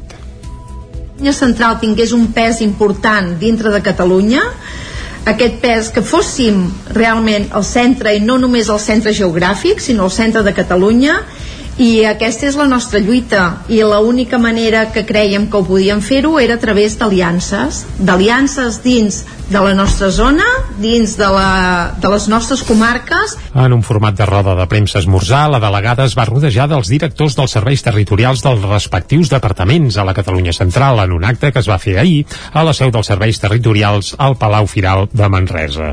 Vestit va desgranar les actuacions més rellevants en cadascuna de les delegacions, ressaltant la tasca que s'ha hagut de fer des dels àmbits d'educació i sanitat, sobretot en temps de pandèmia. També va posar de relleu la tasca que han fet aquests darrers dies des del Departament d'Interior per tal de pagar tots els incendis que hi ha hagut i alhora també va demanar prudència de cara a la rebetlla de Sant Joan. Escoltem ara, en aquest sentit, a Helena Roca, que és directora territorial d'Interior a la Catalunya Central. Sabem que serà un any molt complicat i que, bueno, preveiem treballar moltíssim. És veritat que si, si plogués cada dia, això segur que no seria així. En cap cas eh, es tracta de que no puguem celebrar el Sant Joan de cap de les maneres. Doncs vinga a celebrar Sant Joan, això sí, amb precaució i amb molt de seny. La Catalunya Central compta amb 144 municipis, amb un total de 418.000 habitants, que són el 5,3% del total de Catalunya. En canvi, però, té més de 5.000 quilòmetres quadrats, és a dir, que ocupa prop del 16% del total del país. El Moianès ja té Pla d'Acció Climàtica, una eina per definir els passos que ha de fer la comarca per adaptar-se als canvis que hi pugui haver. Es tracta d'un procés llarg que continuarà amb les aprovacions dels plens. De moment, s'hi ha posat la primera pedra. Gemma Permanyent, Ona Codinenca. El projecte estudia les dificultats que té la comarca arran del canvi climàtic, detalla quines mesures s'estan abordant per adaptar el territori i proposa noves iniciatives. Són Soles Letang, consellera comarcal de l'àrea de territori, urbanisme i canvi climàtic, en donava més detall. En adaptar-se al canvi climàtic, és a dir, quines actuacions hem de fer per ser més resilients al canvi climàtic, que ja el tenim aquí, en tots els sectors, uh -huh. doncs pel vector aigua, pel sector primari, eh, per les edificacions en matèria d'energia, etc. Uh -huh. I també eh, accions en matèria de mitigació, que això és bàsicament eh, introducció d'energies renovables, accions a, per incrementar l'efecte embornal dels boscos, accions en eficiència energètica... El pla també permet conèixer algunes iniciatives relacionades amb la transició energètica, que gràcies a fons europeus s'han començat a redactar. Aquests projectes busquen ser reproduïbles a diferents pobles i estan pensats per la indústria, l'agricultura i les comunitats de veïns. Eh, ara ja eh, iniciem la redacció d'una comunitat energètica local per llars i equipaments, una comunitat energètica local per un polígon industrial i també fem eh, un projecte en agrivoltaic en, per cellers de, de vinya que tenim aquí a la comarca. O sigui, són, són accions eh, executables. De moment aquests plans més concrets estan en la fase de redacció i encara tardaran uns 3 anys a ser operatius. Pel que fa al pla del clima del Moianès, ara el Consell Comarcal està presentant el pla als diferents ajuntaments i el següent pas serà aprovar-lo per ple. El Viver de Belllloc de Cardedeu insereix un centenar de persones al món laboral durant l'any 2021. L'entitat va atendre un total de 327 persones. Núria Lázaro, Ràdio Televisió Cardedeu. La Fundació Viver de Belllloc va atendre un total de 327 persones beneficiàries al llarg de l'any passat, de les quals un centenar van assolir la inserció al món laboral en empreses ordinàries o bé en centres especials de treball. És una de de les dades que conté la memòria d'activitats de la Fundació que s'ha presentat aquest dimecres a les seves oficines de Llinars. En el document, la Fundació posa de relleu que la metodologia de treball al llarg de l'any passat ha estat la planificació centrada en la persona, escoltant els seus interessos i potenciant les seves capacitats per acompanyar el seu projecte de vida individual i donar suport assegurant el seu protagonisme i participació activa pel que fa a les llars residència de la Fundació, ha donat atenció a 59 persones i el servei d'acompanyament a la vida independent ha tingut 31 persones usuàries. Pel que fa al servei de lleure, hi ha hagut 37 participants en 47 activitats diferents i s'ha dut a terme el suport a 8 persones en lleure autònom. Entre d'altres, la Fundació presta serveis de jardinària i serveis ambientals, muntatge, manipulats i envasats, serveis de neteja per a oficines, nous industrials, comunitats de veïns o escoles, control d'accessos i estacionament o serveis de verificació i triatge. La producció d'eure va ser la primera activitat que va donar oportunitats laborals a la Fundació. Cultiva i ven més de 20 espècies diferents d'eure per a projectes d'obra pública, empreses o particulars i també produeix ous ecològics a l'empresa La Tavella que distribueix a l'hostaleria i botigues. Aprofundirem en aquesta informació sobre el viver de Belloc, sobre la inserció laboral al llarg del 2021 amb el seu gerent, amb Carlos Openya, d'aquí pocs minuts a l'entrevista al Territori 17.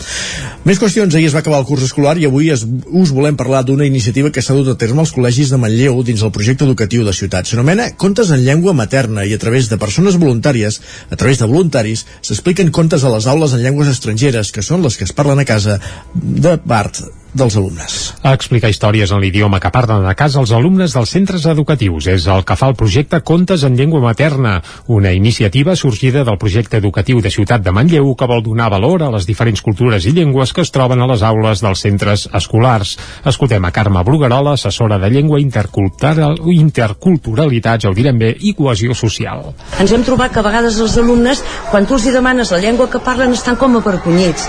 I penso que si pensem, vaja, que que si fos eh, d'una manera molt, molt espontània, que anessin doncs saludant-se, dient paraules, eh, reconeguent-se qui són, ja no tindríem aquesta vergonya, perquè totes les llengües estarien al mateix nivell a l'escola Pompeu Fabra de Manlleu, que per cert avui ja estan de vacances, era la primera vegada que feien aquest, uh, aquesta, aquests contes en llengua materna. La Hanana, que s'ha estrenat aquest curs com a voluntària, va explicar als alumnes de P5 un conte en amasic.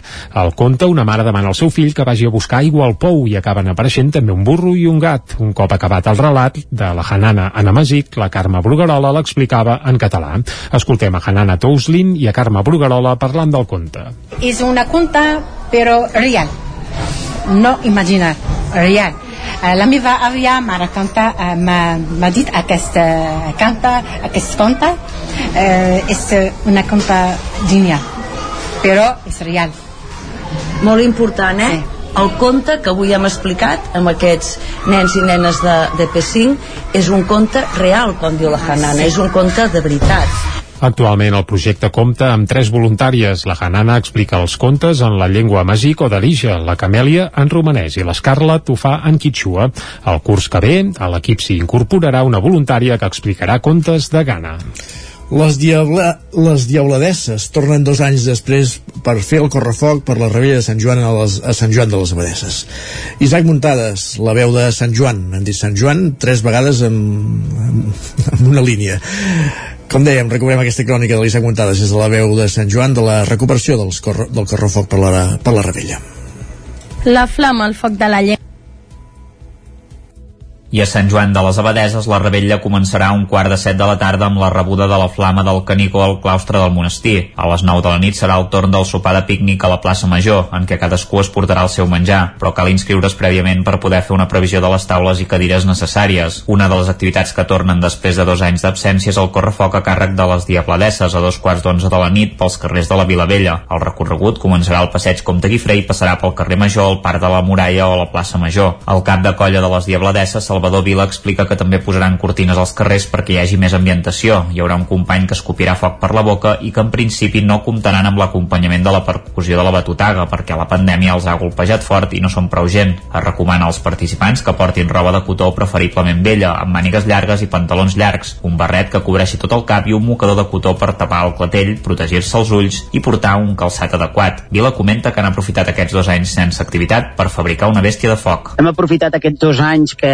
l'Ajuntament ens ha anat ajudant igualment econòmicament i els hem destinat a fer la bèstia foc que ens feia molta il·lusió, l'estrenaríem per festa major. Hem tingut la sort aquesta que, mira, hem pogut estalviar calés per poder fer la bèstia de foc. I després la bèstia, sí, la bèstia crec que és un complement més a, a, a tot el que és l'organigrama de la colla i a més a més és que en Toni, quan li proposes una cosa, l'insinues, ell de seguida deixa anar la seva imaginació i veja, d'una cosa que havia de, havíem de fer no massa grossa, doncs eh, no sé si la bèstia pot ser que arribi a tenir 5 metres i mig per 3 metres d'alçada, vull dir que ja serà una cosa una mica grossa i això, i, bueno, hi haurà més sorpreses que no es pot dir, però a més a més eh, molt movible.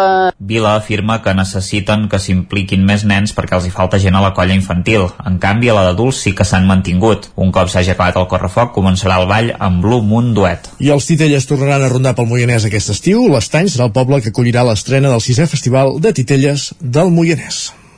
Els carrers de Monistrol de Calders, Calders, Castellcí, Sant Quirze Safaja, Mollà i Castellterçol també seran escenaris del festival. Durant els mesos de juny i juliol se celebraran una quinzena d'espectacles. Carles Canyelles és el director artístic del festival. Res, estem encantats d'arribar a la sisena edició després d'haver passat un, uh, un tràngol uh, complicat amb el tema pandèmic uh, va fer perillar la continuïtat del festival uh, sortosament ens en vam sortir vam canviar aquestes dues darreres edicions vam canviar el període de realització uh, les primeres edicions va ser com serà guany just després de Sant Joan Demà, dues companyies molt vinculades al certamen, Xot i Telles i Rocamora Teatre, donaran el tret de sortida al festival. Ho faran a l'estany. Tenim dos espectacles que ja han eh, visitat el festival en altres ocasions. Una és Levaristo, aquest eh, ninot, aquest mecànic que circula pels carrers i després tenim poemes visuals serà la quarta vegada que portem aquest espectacle al festival és un, festival, és un espectacle de nivell internacional és a dir, girat per mig món i sempre amb un èxit eh, espectacular un dels moments especials serà la cluenda del festival amb l'actuació de comiat dels escenaris per jubilació de l'Estaquirot Teatre. El 17 de juliol tancarà el festival a l'espai escènic de Castellterçol. I arribats a aquest punt fem una aturada al repàs informatiu que feia en companyia des de les 10 de Jordi Sunyer, Gemma Permanyer, Núria Lázaro i Isaac Muntades. Moment de conèixer la previsió del temps. Casa Terradellos us ofereix el temps. Doncs vinga, arriba de nou un foradet per la informació meteorològica avui especialment interessant a les portes d'una rebella i d'un cap de setmana de tres dies. Per tant, saludem de nou en Pep Acosta. Pep, bon dia. Hola, molt bon dia. Molt bona Què hora. tal esteu? Bé, bé. L'ambient avui serà entre mig i molt nuvolat en moltes zones i de cara al migdia queixaran nuvolades. Uh, poden ser bastant importants cap al litoral, uh, també cap a transversal, no es descarten quatre gotes. I uh, també, també, independentment d'aquestes nuvolades del prelitoral, també encaixant cap al Pirineu una mica més tard, cap a la tarda vespre, que tampoc no es descarta que haguessin quatre gotes al Pirineu. Poca cosa. En general, la rebella serà tranquil·la, eh, no plourà en lloc, i les temperatures seran eh, força agradables, agradables per, per altes, és a dir, que no seran molt altes, i agradables per baixes, no seran molt baixes. I les temperatures màximes, la majoria entre els 25 i els 30 graus. Molt a ratlla, molt normals per l'època de l'any, recordo revetlles amb moltíssima més calor que la d'avui. El cap de setmana, el cap de setmana serà tranquil. Divendres i dissabte, al matí sol, a la tarda les típiques nuvolades d'estiu, però sembla que divendres i dissabte poques precipitacions, sobretot cap al Pirineu el dia de Sant Joan, divendres. Sí que el Pirineu pot esclatar, pot caure alguna tempesta. Dissabte, el dia més tranquil del cap de setmana, sense precipitacions, i diumenge al matí sol i a la tarda sí que els nuvolades poden créixer més força. Tempestes cap al Pirineu i també nord d'Osona, nord del Moianès, poden arribar fins a aquestes eh, localitats. I això és tot, a disfrutar aquest cap de setmana, un cap de setmana important, és el cap de setmana de Sant Joan, moltíssima gent estarà fora. Moltes gràcies i bon cap de setmana. Bon Adéu. cap de setmana i bona rebella, Pep. Que bé, que bé, cap de setmana esplèndid, sembla, i sense grans calorades, eh? Això, Això també cal remarcar-ho. I tant que sí. Va, Dit això, doncs, anem cap a l'entrevista. Anem-hi, vinga. Casa Terradellos us ha ofert aquest espai. Anem a l'entrevista, ara que passa un minut d'un quart d'onze.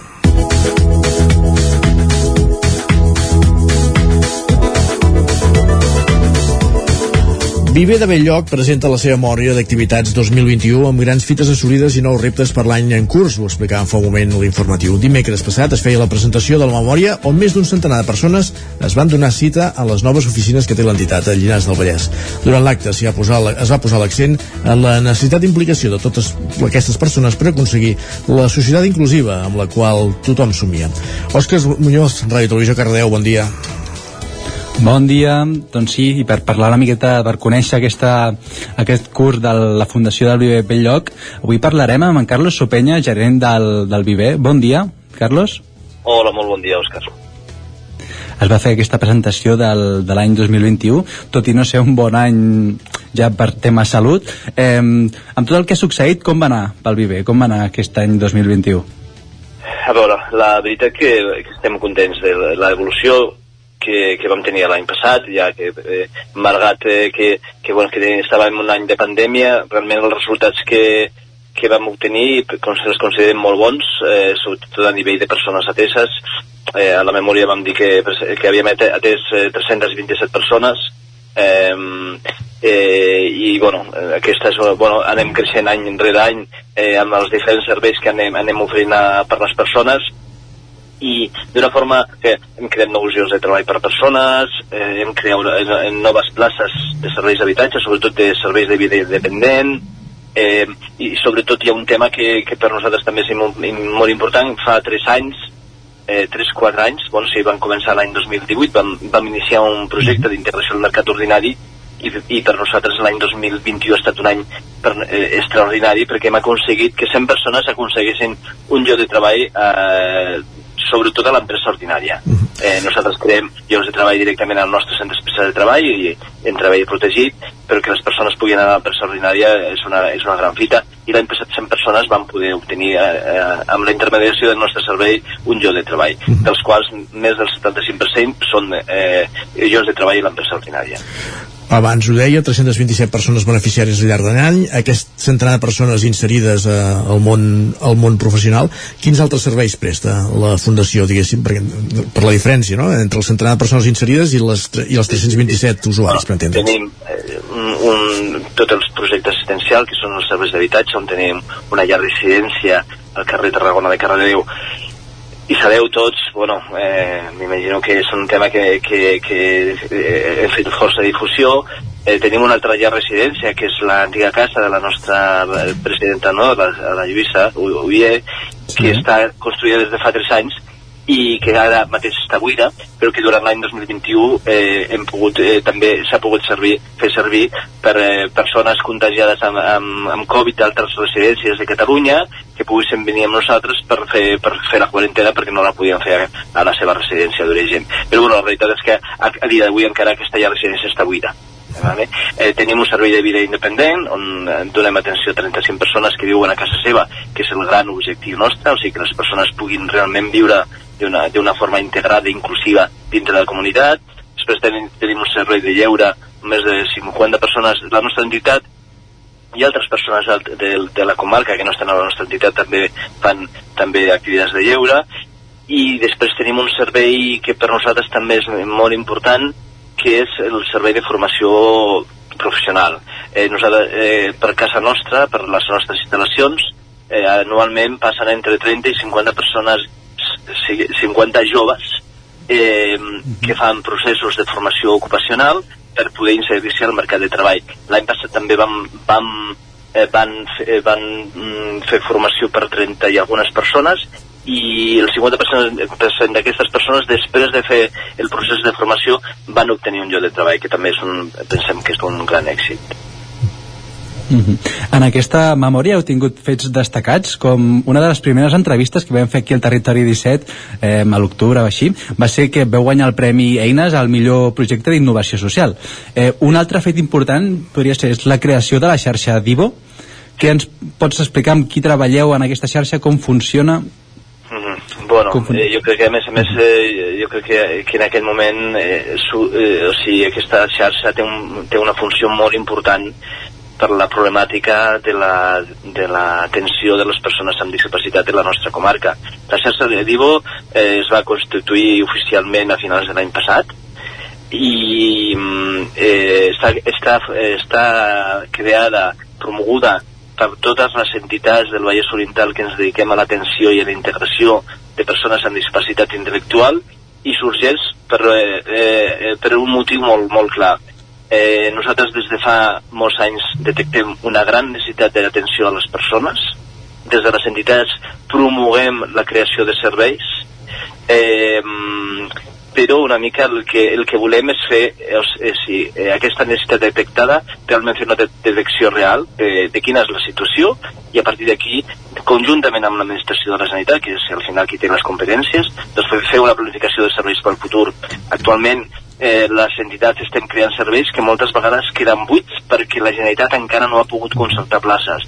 Nosaltres volem anar de la mà amb, amb l'administració, amb el Departament de Drets, de Drets Socials, per poder fer aquells serveis que realment després siguin necessaris pel territori, per les persones i per les seves famílies i després poder, poder eh, parlar amb la Generalitat perquè, perquè les places es puguin concertar a mesura que es vagin creant serveis que es creen no per, una, per un, un caprici de les entitats sinó per una necessitat de, de, detectada i aquest és el, el gran objectiu de la xarxa Divo Has comentat tema places Generalitat. Farà dos dies, quan es va fer la presentació de la, de la memòria, també va haver-hi per Twitter vaig veure el comentari sobre això, que la gent s'havia quedat sense places en un centre com aquest que el govern doncs, plaga la, paga les places no? per cadascuna de les persones que s'havien quedat amb menys places per entrar.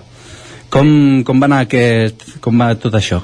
Bueno, això, um, a veure, el mateix divendres, eh, aquest divendres passat, eh, la Generalitat de Catalunya va fer la publicació de la resolució per la concertació de places d'atenció diurna per persones amb discapacitat eh, intel·lectual a tota Catalunya.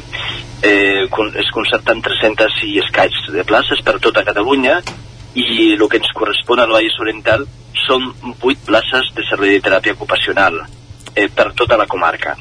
Eh, aquesta, aquesta eh, convocatòria, a més a més, diu d'una forma expressa que són només per persones que provenen de les escoles d'educació especial, bàsicament quan la demanda detectada és, és molt superior. La prova és que no, Vive de Belló, com la Fundació Lluís Avui en aquest cas, eh, l'any passat va acabar de construir eh, un nou centre ocupacional per 16 persones i aquest dilluns teníem ja, fa, feia dies, eh, teníem ja eh, pactada una, una reunió amb, aquest, amb, amb les famílies per fer com una jornada de portes obertes i de benvinguda perquè a partir de setembre poguessin entrar eh, i els hi vam dir els hi vam haver de dir que possiblement al setembre no podrien entrar i eren 16, 16 famílies que ja ens han fet la demanda de les quals algunes provenen de l'escola però una, un número molt important no provenen de l'escola. Són persones que des de fa temps estan a casa seva sense atendre a càrrec de les seves famílies i eh, arriba un moment en què les famílies estan esgotades eh, i el que necessiten aquest, aquestes persones és poder tenir un projecte de vida i poder anar a un centre ocupacional. Haver de dir dilluns que, eh, que possiblement amb, amb, una, amb, una, amb, una, amb un percentatge molt elevat de, de probabilitat no podrien, eh, a partir de setembre no podrien entrar al centre ocupacional amb la qual ja pot suposar que el gerro d'aigua freda va ser enorme eh? i aquestes famílies en aquell moment estan molt disgustades, eh, se senten enganyades i, i possiblement faran, o sigui, el que han fet immediatament és, és eh, redactar i, i signar una carta que aniria, la, anirà directament a la conselleria i a partir d'aquí pues, possiblement faran altres accions perquè eh, és, és, és, un, és un tema de justícia social. Les places, eh, les places de serveis ocupacionals segons la normativa eh, catalana són places garantides. Des de fa 10 anys ens trobem que només hi ha places per les persones que provenen de les escoles d'educació especial però hi ha moltes altres persones que estan en escoles ordinàries, en, en, en, en temes de l'escola inclusiva, que és un gran èxit de país, però després, quan acaben a, el seu període escolar, aquestes persones es troben que no tenen sortida, eh, hi, ha, hi ha moltes persones que actualment estan a casa seva a càrrec de les seves famílies, i això s'ha d'acabar. Sí, eh, eh, I per això nosaltres des de la xarxa DIVA una de les coses que volíem fer i volem fer és un estudi realment de la de població per conèixer exactament quina és la situació. Fa més de dos anys estem intentant aconseguir, aconseguir dades de l'administració pública i fins ara no hem tingut cap dada. Um, i eh, realment eh, creiem que la situació és greu i s'han d'oferir eh, solucions per les persones i per les seves famílies. Una problemàtica latent, sens dubte, i de la qual ens tindrem parlant les properes setmanes. Eh, n'hem parlat amb Carlos Sopenyà, el gerent de la Fundació Belllloc, que avui també que repassàvem les dades publicades a la memòria de la Fundació de l'any 2021. Gràcies per atendre la trucada al Territori 17 i bona rebella també, senyor Sopenyà. Moltes gràcies. Bon dia. A vosaltres, bona rebella. Adéu, bon dia. Gràcies també, Òscar, per acompanyar-nos en aquesta entrevista. Uh, fem una pausa, però tornem més tard. No marxi gaire lluny. Fins ara, Òscar. Com deia, fem una pausa per la publicitat al territori 17 i continuem tot seguit amb la resta de continguts previstos per aquest matí de 23 de juny de 2022. Tot seguit ens repassarem les pilades, ens endinsarem a Twitter, passarem per la taula de redacció i acabarem aquesta segona hora anant a la plaça, l'espai setmanal de Nova Economia. El nou FM, la ràdio de casa, al 92.8. Si tens pensat canviar la caldera o posar aire condicionat, posa't en mans de Pradell. Tenen les millors ofertes. Pradell instal·la calderes de biomassa, calderes de condensació, aire condicionat tant per a particulars com per a empreses. Apunta, Pradell, Avinguda Països Catalans, número 27 de Vic. Telèfon 93 885 11 97. Repetim, 93 885 11 97. A Bailen sabem que quan té una avaria a la seva caldera vol una solució ràpida. Truqui al servei tècnic oficial Bailen i els nostres tècnics vindran ràpidament a solucionar-li el problema. A més, si canvieu ara la caldera, us regalem fins a 300 euros. Truqueu al 910 77 88 77 o entreu a bailen.es. Vine al racó del León i celebra la rebella de Sant Joan. Menú especial, coca de Sant Joan i llangonissa per tothom. Gaudeix de la rebella de Sant Joan al racó del León, carrer Torelló, número 35 de Vic. Fes la teva reserva al 93 889 19 50. Si tens pensat canviar la caldera o posar aire condicionat, posa't en mans de Pradell. Tenen les millors ofertes. Pradell instal·la calderes de biomassa, calderes de condensació, aire condicionat tant per a particulars com per a empreses. Apunta, Pradell, Avinguda Països Catalans, número 27 de Vic. Telèfon 93 885 11 97. Repetim, 93 885 11 97. Cobertes serveis funeraris. Els nostres tanatoris estan ubicats en els nuclis urbans més poblats de la comarca d'Osona per oferir un millor servei. Tanatori de Vic, Tanatori de Manlleu, Tanatori de Centelles i Tanatori de Roda de Ter. Sabem que són moments difícils i per això el nostre compromís és atendre-us en tot moment amb un tracte humà, sensible i respectuós. Cobertes serveis funeraris. Telèfon 24 hores 93 883 23 46. Cocodril Club. Si t'agrada la bona música dels anys 60, 70 i 80, escolta el 9 FM els matins de dissabtes i diumenges d'11 a 1. És el temps del Cocodril Club, tot un clàssic de la ràdio, amb les bases del pop-rock, les llegendes, les cançons que s'han convertit en autèntics himnes. Recorda, dissabtes i diumenges al matí, d'11 a 1, al 9 FM 92.8. Cocodril Club, el programa revival de l'Albert Malla. Hasta Anuncia't al 9FM. La màquina de casa. 9 3 8 8 9 4 9 4 9. Publicitat arroba al 9FM.cat. Anuncia't al 9FM. La publicitat més eficaç. El 9 FM, el 9 FM, el 9 FM, el 9 FM. En punt, dos quarts d'onze al territori 17.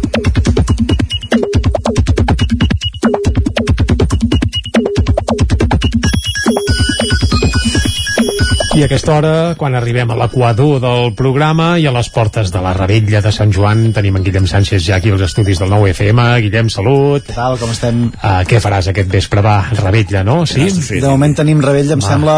Què n'han de fer? La gent des de casa, tothom no, cap ens problema. demana, demaneu-li en Guillem on aniràs a pategar això. No, no, no, em sembla que avui Ah. anirem en plan tranquil, amb la família, amb els avis, amb els veïns d'allà al barri, vull Ah, dir que fantàstic, una mica de foc, coca i una mica de musiqueta i ja està, tampoc... Home, ja està, ja està. I és fantàstic, escolta. I si vols, oi, la nit de Sant Joan, la que hem punxat ara fa una estoneta, que és ideal per amenitzar una nit. La jo nit crec que, aquesta, crec que aquesta cançó la vaig escoltar l'any que vaig acabar segon de batxillerat eh, de viatge de final de, de curs que ens en vam anar a Roma Carai. la recordo que la, vam aconseguir que ens la posessin a una discoteca de Roma on només hi érem els 13 de viatge catalans i ens vam punxar la nit de Sant Joan a Roma Carai. per, per poder-ho celebrar un, Doncs- 20, un 23 de juny Ah, això és fantàstic. Quan els estrombes van, van rebre eh, la llista de les GAI que havien a la devien pensar Ai, està bé, està bé.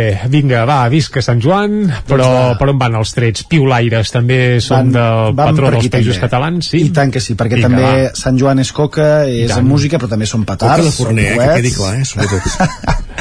Amb fruita confitada, ahir també va confitada, quedar com clar, eh? ahir. Sí, sí. Va, l'Arnau Tordera té clar que farà esclatar avui 23 de Aviam, juny. aviam. Ens diu, ja tinc les meves sabetes a punt per Sant Joan. Jo també, això és el meu petard preferit. Pels Saps més que- menuts de casa és He fantàstic. marxat de casa i que Matilla nívies també sobre la taula. Doncs mira, Ah, oita, oita, oita. ja estan preparades, estan Ei, preparades. Ja. Atenció, jo, a casa meu n'hi ha 100, eh? 100. 100. 50 per cada nen. És molt, eh? És molt. Però bé, ja què hi farem? Va, jo crec que va, baixaran de pressa. Va, enca encara gent viu el debat de cada any al voltant dels animals i dels petards. En Guillem ens escriu sí. el gos sol 14 hores al dia en un pis de 60 metres quadrats, però el maltractador és el teu veí que tira petards una nit a l'any. Hi ha molt debat aquí, eh? Hi ha molt debat. Ah, Hi ha molt debat. Sí. Home, és evident que els petards no són bons amics de...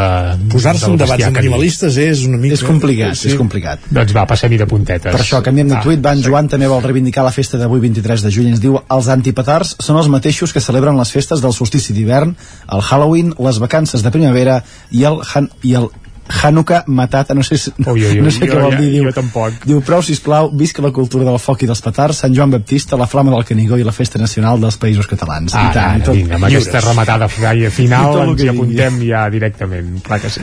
Va, canviem de tema. Jo, això que ens escriuen per Twitter, no ho havia sentit mai. A veure. Ep. Diu, una senyora al bar dient que no l'havíem avisada que les cireres tenien pinyol. Home. La meva cara, un cromo. Les cares de la resta de la terrassa, cada una més cromo que l'altra. Eren tots plegats una col·lecció de panini.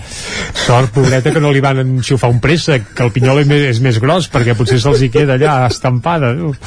Mare meva, Mare on anirem a Déu. parar? On anirem a parar? Però a quins nivells estem arribant? No ho sé, no sé, no sé. I diu senyora, no? És a dir, que ja tenia una edat. Per tant, Entenem que clar, sí. algú de P3 que no conegui alguna fruita que té Potser no pinyol havia o menjat alguna mai no cireres, també O es pot plantejar aquest escenari. Potser els hi treien, no ho sé. No ho sé. Potser sí, una xatxa traient-li pinyols a les cireres. Donaria per molt aquest tema, eh? Sí. però val més que seguim perquè, escolta, les cireres ara, que és Mare una de les Déu. fruites més interessants i boniques i bones, doncs, escolta.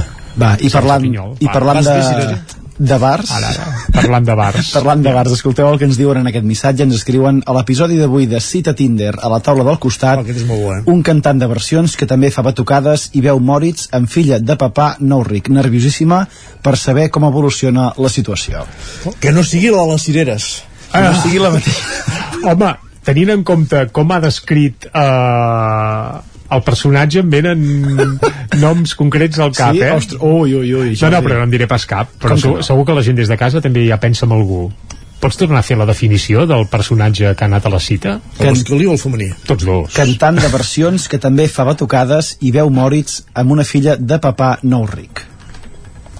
Doncs ja està. La filla de papà nou ric eh, costa de posar-hi noms perquè segurament n'hi ha moltes, però de l'altre perfil a mi El cantant venen... dels obriquers. No, no, vas a parar. Però em venen... no? Sí, sí, sí, però bé, hi veu Moritz, però no entraríem en l'altre en l'altre aspecte que, que s'hi detalla. Va, seguim, seguim. Va, Mare canviem de tema per cloure la secció. Aquest dimecres vam viure l'últim dia d'escola del curs Sí. per a la majoria d'alumnes. Tothom es posa nostàlgic a Twitter en dies assenyalats com el nostre company en Guillem Freixa que ens escriu la sensació de l'últim dia d'escola la recordo amb una barreja de màxima felicitat per un llarg estiu que començava i nostàlgia per tancar un curs més i fer-me gran. Sense cap dubte, un dels millors dies de l'any. I en aquest millor dia de l'any també s'ha de dir que es poden produir situacions com la que ens rela- relata l'Aloma, que ens diu Estimat mestre de primària que avui al final de curs de l'escola ballaves una cançó de Charango fent la coreografia del Saturday Night amb una samarreta d'Iron Maiden. T'estimem. T'estimem. O de l'escena també és maca, eh? Ai, ves que no sigui aquest el que Ves va que no sigui el mateix que- de Tinder amb una filla... Bé, bé, bé. bé. Uh, ho deixem aquí, Ho eh, deixem aquí amb música que sempre és una bona Home. manera per acabar les coses. I tant que sí. Va, moltes gràcies, molt bona rebella, Igualment. sobretot, això que no falli. Igualment. I, escolta, fem un cop d'ull a les portades del 99.cat. Ara mateix l'edició d'Osona i el Ripollès obre explicant que la policia local de Ripoll farà una prova amb drons per intensificar la vigilància de nit. També hi apareix que els ramaders reclamen mesures més contundents contra el llop, això al Moianès, on han detectat la presència de, del llop, i Camp de Bànol mira cap al centenari, ja ho vam explicar que eh, el bàsquet eh, Camp de Banolenc està eh, d'aniversari i celebra 50 anys. A l'edició del Vallès Oriental del 99.cat, ara mateix el titular principal és per la Diputació de Barcelona que endarrereix fins a la tardor la reobertura de Sant Miquel del FAI.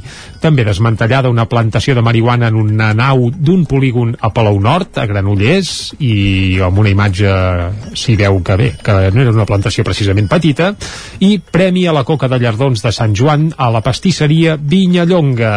I això sí que ens fa salivar una mica la boca perquè la fotografia de la coca fa molt de goig. Això està bé. Per tant, aquest vespre coca per tothom. Coca va. Sant Joan. Vinga, I ara molt, el que fem és... profit. Molt... Moltes gràcies. Sí, sí, sí. El que fem és anar cap a la taula de redacció, precisament amb un dels protagonistes de la secció de les pilades d'avui. Va, som-hi.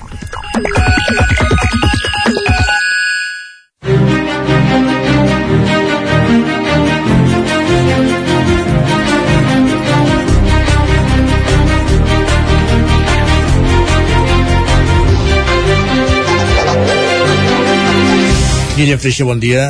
Bon dia. Doncs mira, aquesta cara de sorpresa. Bàsicament, en Sánchez ha reproduït el teu tuit sobre l'últim dia d'escola. Ah, exacte, molt bé. Doncs sí, sí. La... Que era ahir. Exacte, sí, sí, els records d'aquell últim dia d'escola. Molt bé. No venim a parlar del darrer dia d'escola, sinó que parlem del futur d'un monestir, per entendre's, que hi ha pràcticament al mig de la ciutat de Vic, ara ja, perquè la pla- s'ha anat estenent la ciutat i la plaça del Mil·lenari està en plena trama urbana. Dóna'ns més detalls, va. Sí, eh, exacte. És un edifici que hi ha a tocar de la plaça del Mil·lenari per la gent que conegui la ciutat de Vic, la zona propera a l'àrea universitària, a prop de la comissaria dels Mossos, i es tracta de la Torre Espona, una antiga eh, casa d'estiueig que des de mitjans del segle XX es va convertir en el convent, en el monestir on hi havien les carmelites de la presentació.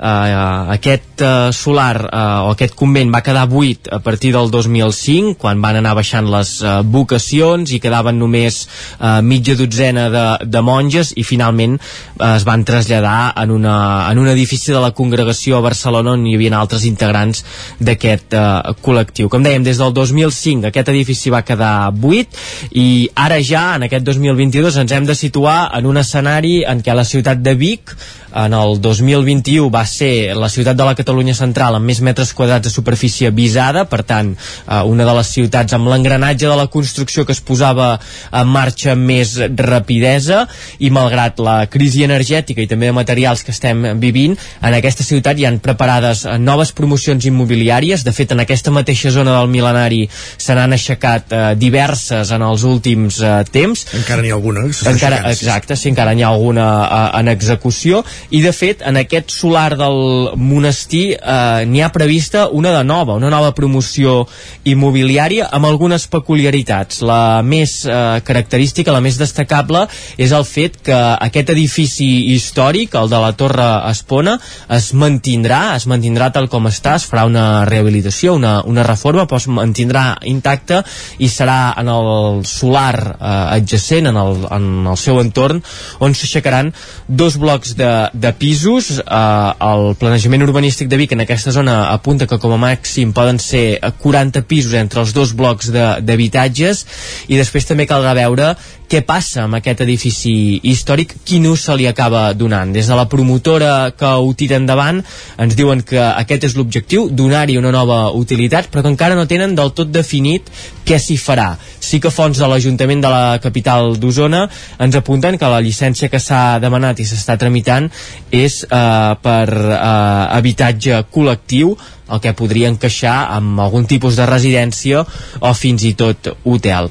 Com dèiem, d'una banda, l'edifici històric de la Torre Espona, d'aquest eh, convent de les Carmelites a la presentació, que es mantindrà eh, intacte, se li donarà un nou ús i de l'altre aquests dos nous edificis que a més a més també tenen una altra peculiaritat i és que com que es construiran en un sol urbà de nova creació s'haurà d'aplicar eh, el que diu la llei urbanística de, de Vic que és que s'haurà de fer una reserva del 30% dels pisos eh, construïts per destinar habitatge social. Això és important perquè és un dels reptes del full de ruta de, de l'habitatge de la ciutat de Vic. D'una banda, guanyar habitatge social i de l'altra, això ens ho explicava la regidora d'Urbanisme Fabiana Palmero, esquitxar d'aquesta tipologia d'habitatges a tota la ciutat perquè no es volen eh, crear guetos sinó que es vol apostar per un habitatge mix i repartit per tota la ciutat de Vic. De fet, aquest és un dels reptes que busca el pla local de l'habitatge que s'ha començat a redactar,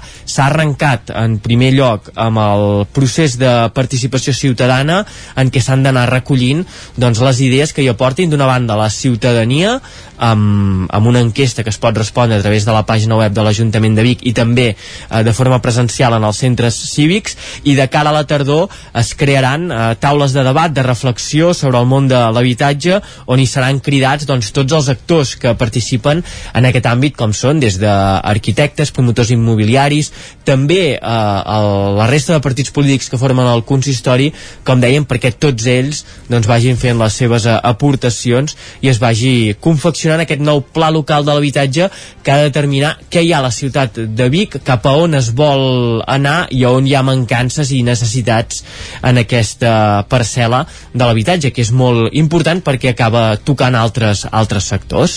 Perfectíssim, Guillem, doncs ho anirem vetllant també. Moltíssimes gràcies. Adéu, bon dia. Acabem aquí la taula de redacció perquè és moment tot seguit d'anar cap a la plaça.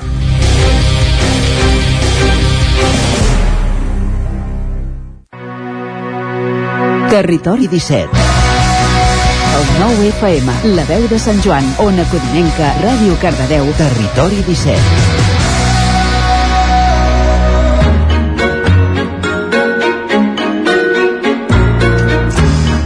La plaça, ja ho sabeu, l'espai dedicat a la nova economia que cada dijous ens acosten des de Ràdio Televisió Cardedeu, la Maria López en companyia d'11.cat i avui aprofundint en una qüestió que està sempre a l'ordre del dia, que és la seguretat. Seguretat a la llar quan la deixem, quan marxem de vacances, per exemple. Maria López, Ràdio Televisió Cardedeu, bon dia. Bon dia i benvinguts un dijous més a la plaça, aquest espai terrenal on intentem fer comprensibles per tothom els grans dilemes i conceptes de la nova economia. Mireu, hem parlat aquests dies de que entrem en una nova forma de gaudir les vacances. La majoria sortirem, potser menys dies, ho farem amb família, amics, tot més en petit comitè i de forma més sostenible. Molts viatjarem sense sortir d'aquí i d'altres, per què no, potser s'han inspirat amb la nostra secció i faran un Carpe Diem i marxaran al Japó. I dic Carpe Diem perquè som en una economia poc favorable a fer grans despeses ara mateix. Però d'això quasi que ja en parlarem després de l'estiu i ja ens ho trobarem. Eh? Una de les coses que també ens preocupa quan marxem de vacances és la seguretat de la nostra llar és l'època de robatoris per excel·lència. Així que avui a la plaça parlarem de seguretat i de protecció. Sobretot ara, si tenim pensat sortir de casa, és el moment de prendre mesures. I ho farem amb les companyes d'11 i eh, més concretament amb la Gemma Ballet, que ens acompanya cada setmana, directora d'11 District. Bon dia, Gemma. Bon dia, Maria. Som-hi amb ganes de, de vacances eh, i nosaltres ja anem fent xup-xup des de fa un parell de setmanes i encara sí. les seccions que ens queden seguirem perquè és cap on anem.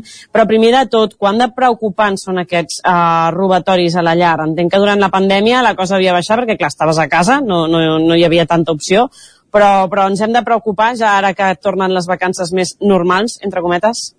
Sí, ens hem de preocupar. Uh, la, la Sense voler ser alarmistes, eh? Així, Exacte. De, de. Exacte. Com saps, la, la, la gent agafem costums i llavors et despreocupes, no? I llavors, clar, si jo miro el 2019, les dades que hi havia de robatoris eren molt més altes que quan estàvem a la pandèmia, perquè estaves a casa, normal. Llavors, el, què passa? Que van baixar un 23% els robatoris, però des de l'abril d'aquest any, eh, tant els Mossos d'Esquadra com la policia ja estan començant a donar pautes i alertes a la població, que no, diguem-ne, no, no s'adormin, eh, que estiguin alertes del que pot passar. Llavors, és tradicional que quan arriba el mes de juliol i l'agost i el Nadal, aquestes dades es disparen. Per tant, estem amb el mes ideal, el mes de juny, per començar a prendre mesures. No? Des d'on diem moltes vegades que el que fem és que ajudem a la gent a prendre decisions per vetllar per la seva economia. No? I llavors, dins d'aquesta nova economia, el que hem d'entendre és que hi ha noves conductes i una de les noves conductes és que també els robatoris, la forma de robar, eh, les llars estan canviant i una de les coses que fem quan sortim és que bueno, doncs, hem de prendre mesures. Llavors, especialment a Catalunya, perquè hem trobat una dada que es, es recull dins de diferents informes que fan les asseguradores perquè els interessa tenir aquestes dades, evidentment, és que Catalunya doncs, lidera el, el rànquing a nivell estatal del, de la zona geogràfica amb major robatoris, amb un 58%, la qual cosa eh, ens fa especi especialment susceptibles. Suposo que perquè també és, és un lloc on hi ha tant de turisme i el, el robatoris a les llars també es fa més notori, és a dir, la gent perquè o bé des de grans ciutats o des de ciutats com, com Barcelona, Girona, etc, marxem, deixem les llars i llavors són punts molt fàcils d'accedir. No?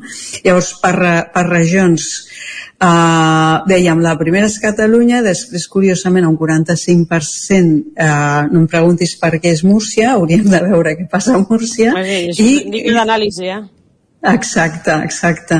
I després l'altre punt és la comunitat valenciana, però ja amb un 11%. És a dir, Catalunya està molt per sobre de, de ser una de les regions més afectades per aquest tipus de robatori de les llars quan arriben les, uh, les vacances. Després tenim dos municipis que diem que són especialment sensibles pel volum eh, de diners o de valor econòmic que, que, els, que els lladres emporten, eh? que és és Girona i Sant Cugat del, del Vallès on el risc supera el 140%. Llavors, eh, la gent que viu a Girona i Sant Cugat, doncs especialment han de prendre mesures. I ara et donaré tot un llistat de municipis catalans que són sensibles amb aquests cobertoris, que és com doncs dèiem... atents, Girona, atents als que sigueu d'aquests municipis eh, i especialment precaució, eh? Sí, sí, això és com una loto, eh? Si llavors hem d'estar que aquí m'ha tocat si o no m'ha tocat, eh? m'ha tocat o no m'ha tocat. Llavors dèiem Girona, Sant Cugat del Vallès, atenció, eh, seguida de Barcelona, Mataró, Reus, Badalona, Santa Coloma de Gramenet, són les 16 eh, ciutats catalanes que estan liderant la llista. I a continuació ja tenim Rubí, Tarragona, Cornellà del Llobregat, Lleida, Hospitalet del Llobregat, Terrassa, Sabadell, Manresa i Sant Boi del Llobregat. Llavors, la gent, especialment d'aquestes zones, han de, han de prendre mesures i atenció, un altre del, dels indicadors que també hem de ballar és, per exemple, les persones que tenen comerços, no? que el petit empresari o, o, el, o, la, o la PIME, com es diu, eh, doncs han de prendre mesures especialment si són de les zones de Reus, Mataró i Lleida, que són eh, tres àrees geogràfiques especialment afectades el, durant aquesta època de robatoris al, als comerços. Llavors, també les zones costeres, eh, que, que aquí a Catalunya doncs, eh, és una de les coses que internacionalment mm, som de les zones on tenim les persones tenen una segona vivenda sí? d'altres eh, llocs de, ja sabem que no, no, no s'acostuma a tenir segona vivenda les segones vivendes sobretot es veuen molt afectades aquelles que estan a la costa això és una, una lògica aplastant és de mm. common sense que diuen o, o de, de sentit comú i per exemple les que més afectades són d'aquestes àrees és Tarragona però Tarragona també tenim una lògica que Tarragona és un lloc que normalment tenim que, que les costes a la costa de Tarragona, les persones que varen comprar vivenda són persones que bé o viuen fora de, de, de Catalunya, anglesos, eh, ja m'entens, francesos, alemanys, que estan allà i que per tant eh, no tenen una, una presència física tot l'any i seguida també de, de persones que són fora de Catalunya que també van optar amb el seu dia per tenir una segona vivenda a Tarragona però atenció aquí també una cosa és que tinguis una exposició al robatori i l'altra és el nivell de, de gravetat del robatori. Eh? Llavors, podríem dir que de mitges estan robant a les llars un, com uns 800 euros o així amb, amb, amb un estimat de mitjana. 800 euros amb una, amb una incursió, diguéssim, a casa. Amb una incursió, gràcies, sí, aquesta és la, aquesta és la paraula correcta. Però ens podem trobar amb, amb incursions uh, superiors de, de 1.200 euros en lloc com a Sitges i Castelldefels, eh, seguit de, per exemple, Llançà. Per què? Bueno, senzillament perquè, perquè són zones que es converteixen moltes vegades en, en segones residències, però que també són moltes vegades el segon lloc de, de on viuen la, la meitat part del, del temps les persones i acostumen a tenir aquestes segones residències millor equipades, d'acord? Clar, jo el que t'anava a dir, potser aquests, aquests que comentaves, no més de la zona de Tarragona, que és gent que al final viu a l'estranger i potser ve un cop l'any cada, bueno, molt poquet temps, segurament està molt més buida, potser tenen més risc d'ocupació, així que podria ser també, no? Perquè al final potser són cases que estan Correcte. menys vigilades, però segurament a nivell de robatori puntual uh, no, no és el mateix perquè deuen estar molt més buides, entenc. Exacte, exacte. Aquesta és l'observació correcta. Acostumen a estar més buides, eh, que és una cosa que, que tothom faríem, de tenir-lo just.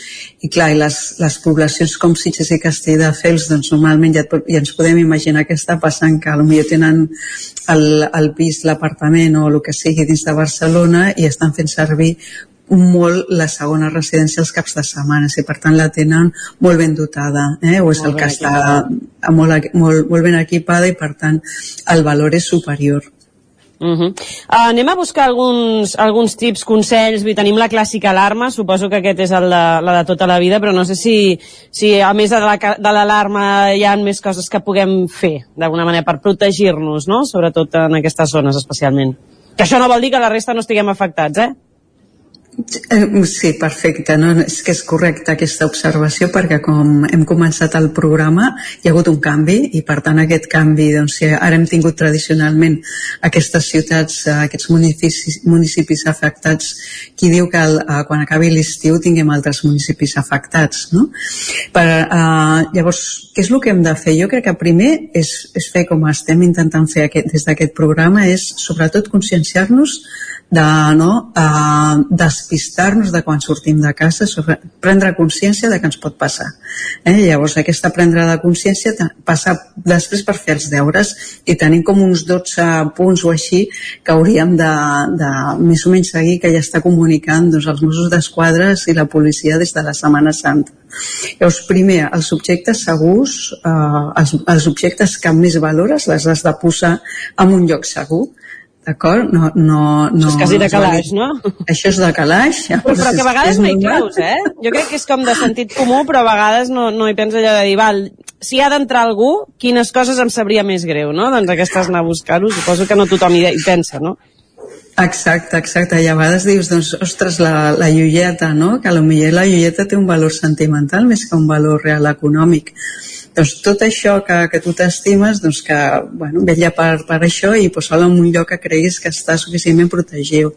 Després, evidentment, l'alarma que deies tu, mirar molt bé totes les entrades de, de les finestres i de les portes, Uh, pensem que ara, per exemple, una de les coses que estan fent el, els lladres és escalades, o sigui, ho flipes, o sigui, veus la gent que està aprenent a fer escalades com els escaladors, per tant, pensem, siguem uh, hàbits, no? O sigui, mirem de que, per exemple, diem, potser no la, la, la finestra que està mirant a, a dins de l'escala doncs fins i tot aquesta finestra podria ser susceptible de que t'entrin per aquí perquè hem de pensar que ells van molt més preparats i no van caminant tranquil·lament per l'escala no? que ens poden entrar per la nit poden fer una escalada i ho fan silenciosament com veiem a les pel·lícules doncs eh, estiguem molt alerta a qualsevol tipus de, de finestra o forat per on poden entrar després hem de ser molt discrets i aquesta és la, la, diguem la, la part eh, contradictòria que tenim les persones humanes. Hem de ser molt discrets a l'hora de dir que estem fora de vacances, però com que ens agrada, com el que es compra un vestit molt xulo o un cotxe molt xulo, ens agrada eh, fer un show-off, que diuen en, en anglès, o mostrar aquest estatus, no? I penjar-ho Llavors... constantment a les xarxes dient s'està estupendament a la platja lluny de casa, no? I tu avisant allò, quasi que et falta posar l'adreça, com qui diu, no?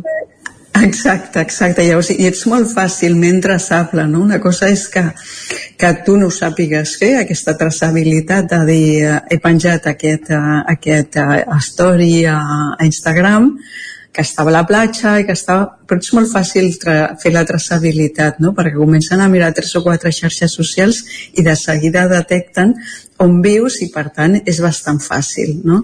Llavors, atenció amb aquí perquè som uh, dades obertes caminant. Després, l'altre és, uh, hem de demanar sempre algú que ens ajudi quan estiguem fora de, de casa, doncs que o bé vagi de tant en tant i miri el que és l'escala, miri el pis, reculli la correspondència que tinguem i que estigui alerta quan passi alguna coseta que és eh, diferent a lo normal. No? Per l'altra part, és els contestadors automàtics, si els tenim, doncs a fer, no dir dins del contestador automàtic que estic fora, saps? O, per exemple, a vegades ho fem amb, amb els e-mails, de, fins i tot els e-mails informats, doncs estem de vacances de tal dia a tal dia ok, doncs aquí també estàs uh, aixecant la, la llebre, no? Si Llavors... vols saber quan pots venir a casa a robar, ni de tens fins al dia de l'hora. Exacte, l'altre és fer els inventaris, sobretot això per l'assegurança. Eh? Si tenim assegurança, que és important tenir-la, Uh, doncs, per exemple, a vegades és un, una...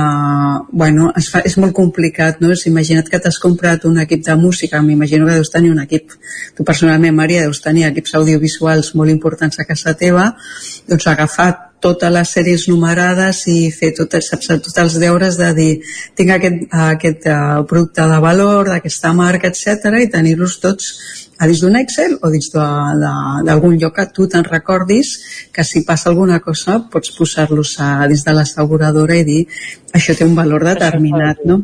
Uh -huh. Sí, l'altra cosa és, uh, sobretot, uh, si passés alguna cosa, algun soroll, doncs no, no anar de valent per la vida, sí? uh, I a la mínima, doncs, uh, alertar de seguida la, uh, els Mossos d'Esquadra eh? I, i fer el que ens diuen ells i no intentar repetir això d'heroi per la vida. Sobretot un punt important és, abans de sortir, repassem tot el que entra o no entra dins de, de la nostra assegurança tenir-la en un lloc que tu puguis accedir perquè al final és una de les coses que, que et pot uh, protegir a part de les mesures que hem dit. Ara que deies això de, de, de ser valent, eh, és molt curiós les vegades que alguns s'han portat un, un susto que per sort s'ha quedat en res, no? que al final no ha sigut res perquè era no sé qui que s'havia deixat les claus i tal, però la reacció primera que, que un pot tenir quan té la sensació que algú no previst està entrant a casa. Jo només m'he passat una vegada i vaig anar amb un pot de sabó de plàstic que després, o sigui, després penses què pretenia fer jo amb això? Mm, rentar el lladre, saps? Perquè, no ho sé, suposo que és el primer que trobes a mà i aquell moment de nervis i de com reacciones i agafes el primer que trobes. I, i ni, per, per sort, evidentment no era un lladre, no? Era algú de casa que s'havia deixat les claus, intentava entrar, jo tenia les meves i no, i no podia. Però això que no ho preveus i tens les claus posades, i, i crec que és un clàssic, no? Aquest, el com reacciones quan et trobes en una situació d'aquestes perquè eh, si no ets prou valent doncs a vegades pots resultar una mica ridícula fins i tot intentant defensar la teva casa, eh? Bueno, m'he aguantat de riure perquè com et pots imaginar t'he vist, vist amb el pot de sau a la mà. M'has imaginat, oi? Sí, sí. sí. Era, era, era, de, era de l'intra, vull dir, que estava bé, però no com, no com per defensar la, la meva llar, t'ho asseguro. No sé jo si amb, amb, la, la, amb un pot de la toja, jo, jo, jo pesa, però tampoc com per, com per mantenir la, la casa protegida. Gemma, se'ns en va el temps, però sí que hi ha una pregunta ràpida que et volia fer abans d'acabar. Sí. Que, que és mantenint d'alguna manera un tema que nosaltres anem rescatant, eh, que són tots aquests, el tema del desenvolupament, el tema de sostenibilitat. Eh, ens trobem amb una onada de calor una mica important, tot i que hem tingut un parell de dies de treva, però, però mm, venim d'uns dies molt, molt potents. Fins a quin punt el canvi climàtic està afectant també en que tinguem alguna sorpresa no desitjada quan tornem de les vacances a casa? Uh, és la segona raó de, de lo que es diuen sinistres uh, a dins de la, dels estudis que fan a les asseguradores. Mm? Llavors això creixerà. Vol dir que estem observant el canvi climàtic, sobretot està afectant per una part l'aigua, o sigui, l'aigua és una de les coses que més pot afectar, fins i tot en segons quines àrees afecta més la, la, el que és la, la pèrdua d'aigua dins de les llars, o sigui, sobretot especial atenció a les deixetes, a veure com, com, com està ficada la finca i després el canvi climàtic. El canvi climàtic està a dins del radar en els propers anys i ens podem trobar que podem tenir des de que ens han destrossat el nostre preferit eh, àudio perquè hi ha hagut una pujada de tensió perquè hi ha hagut una tormenta, com fins a un trencadís brutal perquè també hi ha hagut un raig que ha caigut i sobretot l'aigua. Recordem, l'aigua i l'electricitat mm, hem de desendollar coses, hem de mirar coses que estiguin doncs, uh, mal instal·lades a nivell electricitat i per l'altra part mirem també uh, tota la part de, de lo que són vidres, etc. Doncs eh, ja sabem aquesta segona causa, també com deies, a les asseguradores, vigilem també com ens afecta a casa aquest canvi climàtic. Gemma, hem de plegar per avui, que ens hem menjat tot el temps de, de la secció, però ens veiem dijous vinent i continuarem d'alguna manera parlant també d'aquestes vacances que ja arribem com amb les ungles esgarrapant ja per agafar-les, eh? Sí, sí, sí. Continuarem parlant de, de com estar segurs, sobretot dins de la llar, perquè és un dels punts, repetim, que, que la gent s'estem oblidant, que ens anem feliçment de, de vacances.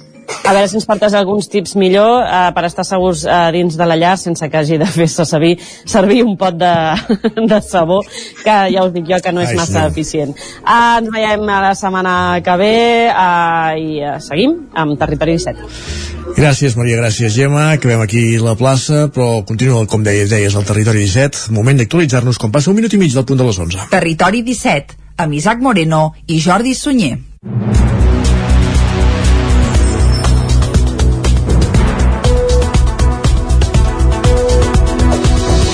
Moment per explicar-vos que el ple de l'Ajuntament de Manlleu ha aprovat una moció acordada entre la plataforma ciutadana Manlleu Diu Prou i tres grups municipals de l'Ajuntament, tots excepte la CUP per la millora de la seguretat a la ciutat. El text consta de 14 punts que des de la plataforma consideren que han de servir per solucionar les problemàtiques més urgents. Entre les demandes hi ha la presència permanent dels Mossos d'Esquadra a Manlleu, que enllaça amb una petició ja feta des de l'Ajuntament a la Generalitat, que hi hagi una comissaria dels Mossos a la ciutat. La CUP va votar-hi en contra, considerant que calen intervencions socials i no només un increment de la presència policial. Pol Matalaques. Després de la tensió que es va viure al ple del mes de maig, amb la presència de desenes de veïns que protestaven per la inseguretat, l'Ajuntament de Manlleu aprovava en la sessió plenària d'aquest dimarts una moció per la millora de les mesures de seguretat i la presència de més efectius policials a la ciutat. L'ha impulsat la plataforma Manlleu Déu Prou en converses amb els diferents grups polítics. Es va aprovar amb els vots a favor de dos grups de govern, Esquerra i Junts, el PSC i els dos regidors no adscrits. El text cost, consta de 14 punts, entre els quals ampliar els efectius de la policia local, potenciar els agents de convivència o fer un seguiment de les ocupacions il·legals d'habitatges.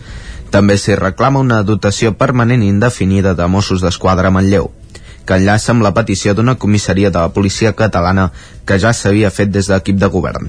Escoltem per aquest ordre a Antoni Poyato, regidor del PSC, i Arnau Rubida, regidor de Seguretat Ciutadana a l'Ajuntament de Manlleu. Podem fer la pressió necessària per intentar aconseguir tenir aquesta comissaria que pot ser mixta. Per tant, si encara no hem començat la comissaria de la policia local, plantegem-nos la possibilitat de créixer amb aquesta comissaria dels Mossos i farem la pressió allà on calgui per aconseguir-la. S'han fet, fet gestions. Aquí el que us animo és que en la propera Junta Local de Seguretat, en la que estem pendents de convocar-la perquè esperem la presència del conseller i la seva agenda marca eh, la convocatòria, us animo que ho comentem entre tots i que entre tots fem la pressió i segur que a veure si ens en sortim. La CUP va votar en contra de la moció argumentant que no s'havien tingut en compte les seves esmenes.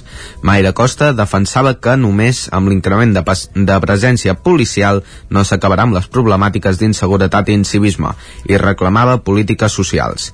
Des de la plataforma Manlleu Déu Prou consideren que la moció fixa mesures concretes que han de tenir un efecte a curt termini. Ho remarca Francesc Lorente de la plataforma Manlleu Déu Prou. I nosaltres volem unes mesures que siguin ara que es puguin eh, implementar a curt termini per començar a tenir resultats jo no sé si això fa dos, tres anys que s'havia de fer o sigui, és un problema. De moment estem contents que de moment tothom està d'acord que hi ha un problema. Fa sis mesos no hi era. Això ja és un gran avenç per nosaltres. El ple també va aprovar per unanimitat la moció que hi presentava el grup local d'en Comú Podem, que no té representació al consistori denuncia les deficiències estructurals dels habitatges socials de la plaça Llevant i el carrer Vilamontà, estrenats l'any 2010 per reallotjar-hi famílies que vivien a Can Garcia. La moció estableix que els serveis tècnics municipals faran un peritatge per determinar les diferents problemàtiques i que es reclamarà un pla de treball a l'Agència de de Catalunya i a l'Incasol perquè resolguin les mancances que té l'obra. Avui és nit de Rebella, la nit de Sant Joan, i a part de les coques i el cava, un altre dels elements tradicionals de la nit més màgica de l'any són els petards. Hi ha diferents municipis del territori 17, Vallromanes, Olbigues i Riells, del Vallès Oriental, a Muntanyola, Osona, que n'han prohibit el seu ús. A Vic, igual que l'any passat, s'aplicarà una campanya de prevenció per tenir una rebella segura. El protocol té com a mesura més destacada la prohibició de llançar petards de màxima potència, marcats com a F3, al centre històric de la ciutat. També hi haurà limitacions pel que fa a resta de categories. Els anomenats FU s'hauran de llançar com a mínim a una distància d'un metre respecte a altres persones i al mobiliari urbà. En els de categoria F2 la distància de seguretat s'amplia als 8 metres i els F3 fins als 15. En la celebració de Sant Joan també s'engega la campanya Activa el Silenci, on els agents cívics de la ciutat vellen i fan prendre consciència de les molèsties que té per la salut fer excessiu soroll al carrer, sobretot en hores nocturnes. Escoltem a la regidora d'Educació i Joves i Convivència i Seguretat de l'Ajuntament de Vic, Elisabet Franquesa. Vic eh, torna a obrir el protocol que ja teníem establert l'any passat de rebelles segures, d'aquest control de petards, diferenciant els F1, els F2 i els F3 i diferenciant també uns espais doncs, més adequats per aquesta convivència i per aquesta seguretat de la població. Escoltem ara Antoni Jurjo, cap de la Guàrdia Urbana de Vic. Per les persones que no els agraden o que els molesten, doncs que hi hagi les mínimes molèsties. Llavors, per això, d'alguna manera es prohibeix que el que és plaça Major, places del centre històric, però en definitiva totes les places de la ciutat, espais públics, diguem, de, de convivència, que hi hagi pues, terrasses, que hi hagi bancs per seure-hi, etc., doncs que no es puguin llançar petards. La campanya per controlar el llançament de petards a Vic també es repetirà per la Rebella de Sant Pere, el pròxim dia 28 de juny.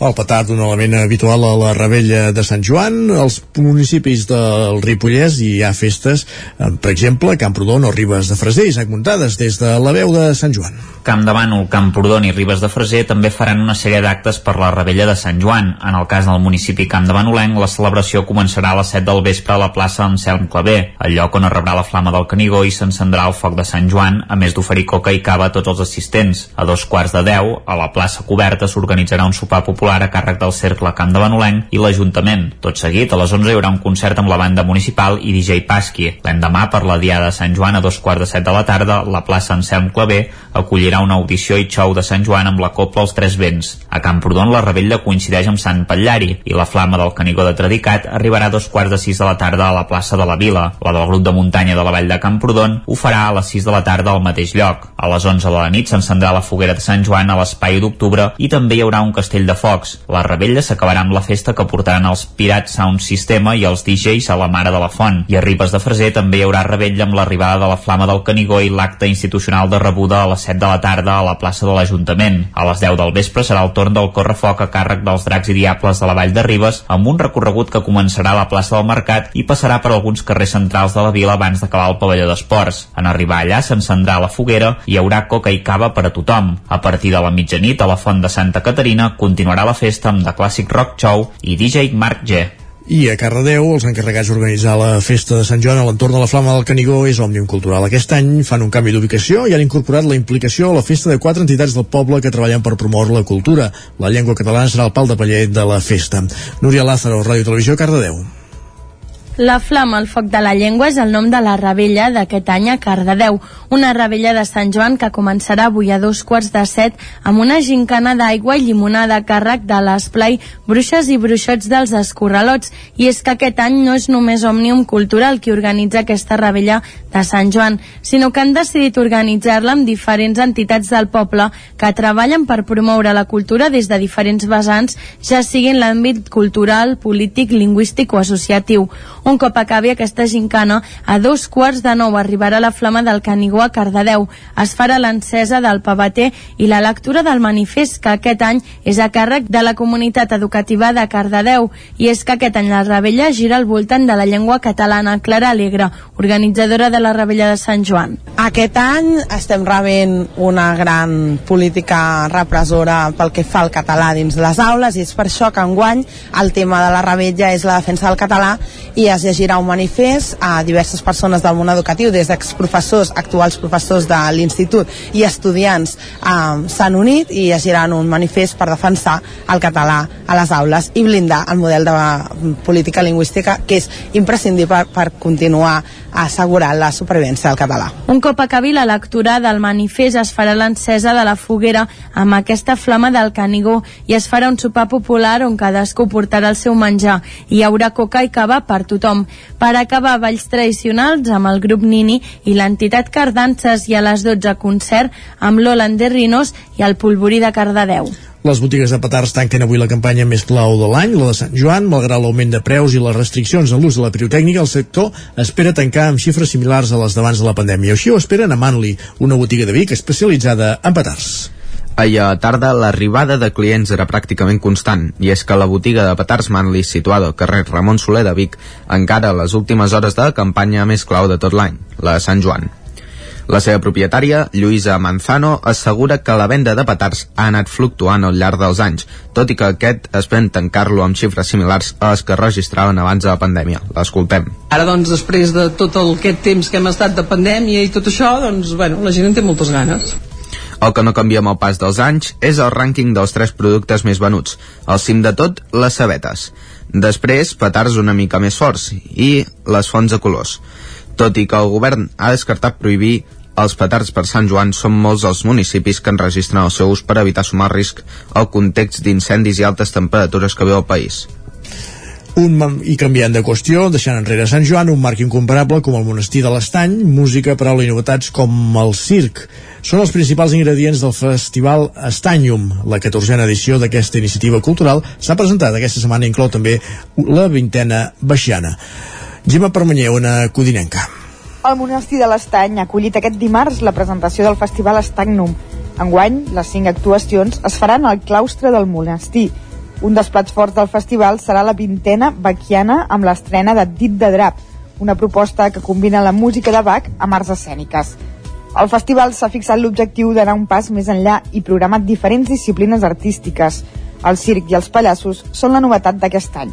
David Cid és director del festival i explicava que volen atreure nous públics. I per què els pallassos? Primera, perquè crec que és una part bàsica importantíssima de les arts escèniques és quan un nen quan és petit pot començar a veure el que és una escena també normalment en els pallassos hi ha música i és una manera d'obrir un nou públic i que també aquest nou públic que serà petit els pares els acompanyin i esperem que els pares també puguin venir en algun altre concert el festival compta amb un escenari únic, el claustre romànic del monestir de l'Estany.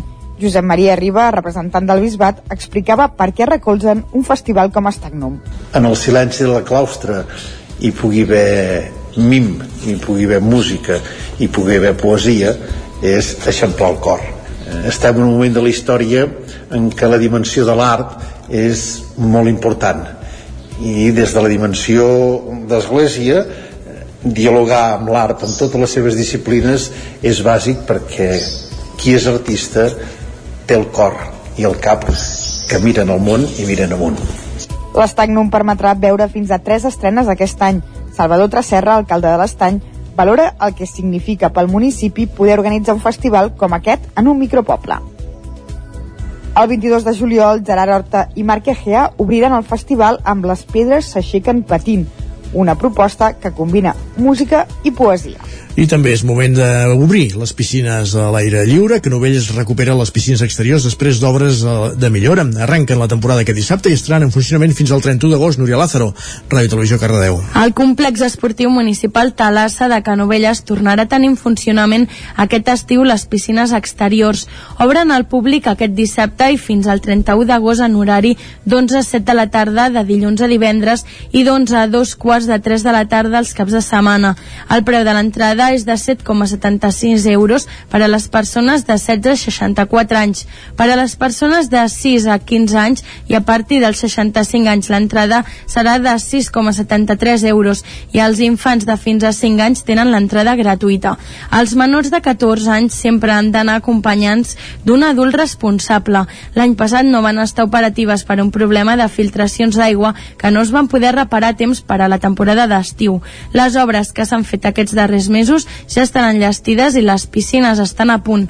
Amb tot, des de dijous de la setmana passada s'han destinat diversos carrils de la piscina interior al bany lliure. També s'ha obert al públic la zona exterior de gespa.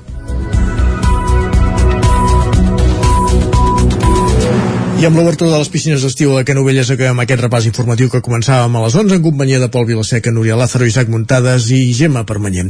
Moment al territori 17 de parlar de llengua, tot seguit amb la Cristina Enfruns. Territori 17. Envia'ns les teves notes de veu per WhatsApp al 646 079 023. 646 079 023. WhatsApp Territori 17.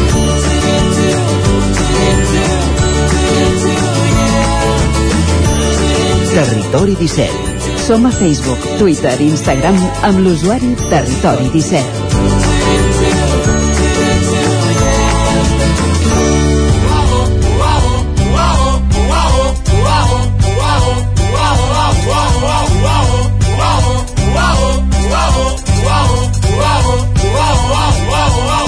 Me sobren paraules agulla, fil de cosi. Cristina Enfruns, bon dia. Bon dia. Bon dijous de rebell, eh?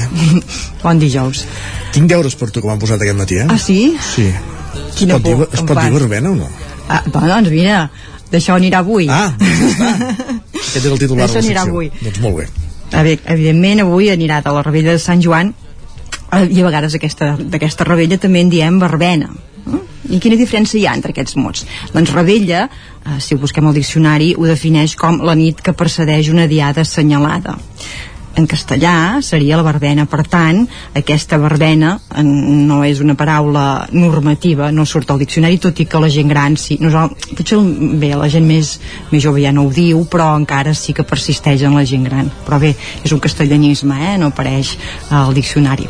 Sí però que apareix i és curiós, eh, una paraula que en diuen homòfona, és a dir que sona igual però s'escriu diferent i evidentment té significat diferent que és la verbena, escrita en B alta Sí. totes dues en B altes que és una planta de flors blaves amb propietats medicinals que, que es cull entre Sant Joan i Sant Pere Però per tant, no Per és la, tant- la verbena en castellano, eh? si sentiu verbena podem pensar que és aquesta flor no?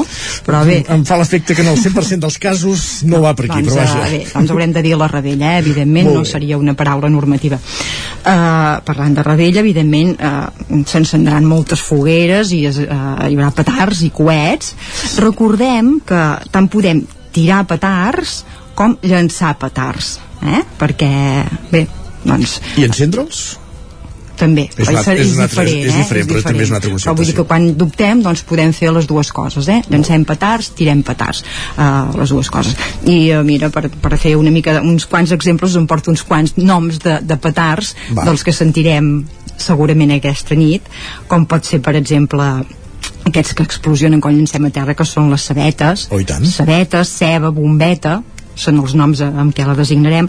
Llavors hi ha aquell el conegut correcaminos, segurament que també n'hem vistos, que Però aquell que va són les- fent les carretilles, doncs això són correcames. Correcames. hauríem de dir-ne correcams o el que aquest, aquell coet que, que mm, se'n va en l'aire que sembla que es- estan prohibits bastant a tot arreu aquesta nit que, que fan un xiulet i un tro final aquests són els coets xiuladors Aquells més propis de, de la pirotècnia, però que s'han anat adoptant també, també les els fan, sí, populars. també surten eh? Sí, sí. o bé el, el, el borratxo que és aquell petard que, que va, va en totes direccions i que no es pot controlar doncs aquest seria el nom d'un altre dels petards Molt bé. uh, aquests són alguns exemples dels que podem trobar aquesta nit i acabo, doncs, evidentment amb els refrenys que per Sant... Bé, per, parlant de Sant Joan n'hi ha, um, diuen que uh, se'n coneixen més de 400 uh, que es refereixen en aquesta festivitat i mm, de temàtiques molt diferents. Per exemple mm, sobretot referent a la calor que sembla que ara afluixa una mica però eh, n'hi ha algun que diu el dia de Sant Joan el sol es cou el pa que seria el que passava potser fa uns quants dies o bé eh, ni calor abans de Sant Joan ni fred abans de Nadal fan l'any bo i cabal Doncs, per tant, ja et dic jo que serà un any nefast. Un any De, nefast. de calor abans de Sant Joan hem tingut una mica. o bé ara que sembla que vinguin les pluges eh, n'hi ha Sempre un és un que diu. Sant Joan deu un ruixat si ell no el paga Sant Pere el pagarà Ah. o sigui que potser encara eh, pot ser que, que el tinguem Entre O- Sant Joan i Sant Esteve. Ai, Sant, Exacte, i Sant Pere, perdó. pot ser que... O també eh, algun que, que refereix aquest, el cicle aquest d'allargament del dia, eh, ja que diuen que a partir de Sant Joan el dia s'escurça, com per exemple la nit de Sant Joan, la més curta de l'any, aquesta és molt típica, Això sentirem d'aquí una estona la cançó. o bé Sant Joan escurça els dies i el Nadal els estira, eh? per veure la diferència entre un i altre. També eh, referències al foc, l'aigua i les herbes i els efectes purificadors. Les herbes de Sant Joan tenen virtut tot l'any, o bé qui encén foc per Sant Joan no es crema en tot l'any. Molt bé. I per acabar, us en dic una, eh, que el tingueu en compte aquesta nit, que diu, és un consell per aquest cap de setmana, que diu, qui es banya per Sant Joan, salut per tot l'any. Doncs va, avui tothom cap al riu, Riera, tot i que això a vegades va en contra de, de, la, De les normatives. de les normatives, de les recomanacions. O a la platja, vaja. Tenia una pregunta ara que has dit, que ja que hem parlat de... Ja sé que ara t'atraco Ai, eh? Ja, ja. No, però a vegades em fa gràcia perquè la foguera és una cosa que tenim molt estesa, però hi ha denominacions a la foguera o, o al foc de Sant Joan, mm, entenc, pr- pròpies de, de llocs, no?, o, o de pobles. L'any passat va ser per Sant Joan a Rupit mm. i allà del foguera en diuen foderot. I vaig pensar, mira, fa, d'entrada em, va, em va sonar estrany però vaig veure que és una paraula molt arrelada Sí, em va agradar, però a més vaig veure que una cosa molt arrelada perquè tothom de Rupit deia foguerots Sí, i, sí. i el tema concepte foguera eh, per ells era l'estrany, no? per entendre'ns Bé, Curiós. són, sí, són coses d'aquestes que tenen eh, diferents zones que ja se les creen com a pròpies. Molt bé. Sí, Doncs va, en trobaríem més, però ara fer la recerca seria, com deia, una tracament amb armada, és Mm. moment de posar-hi música. Va, vinga.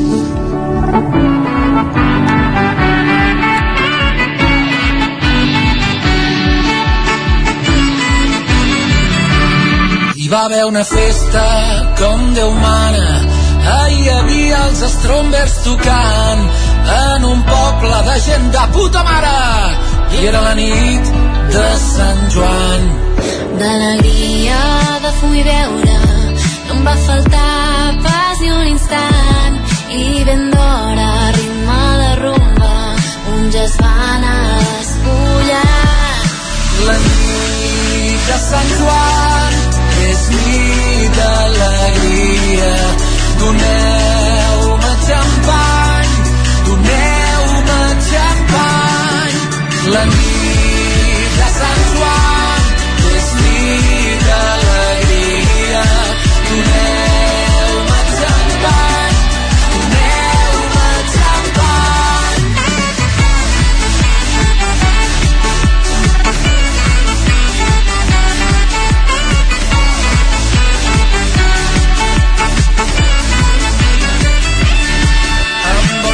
per aquella nit, la nit sencera.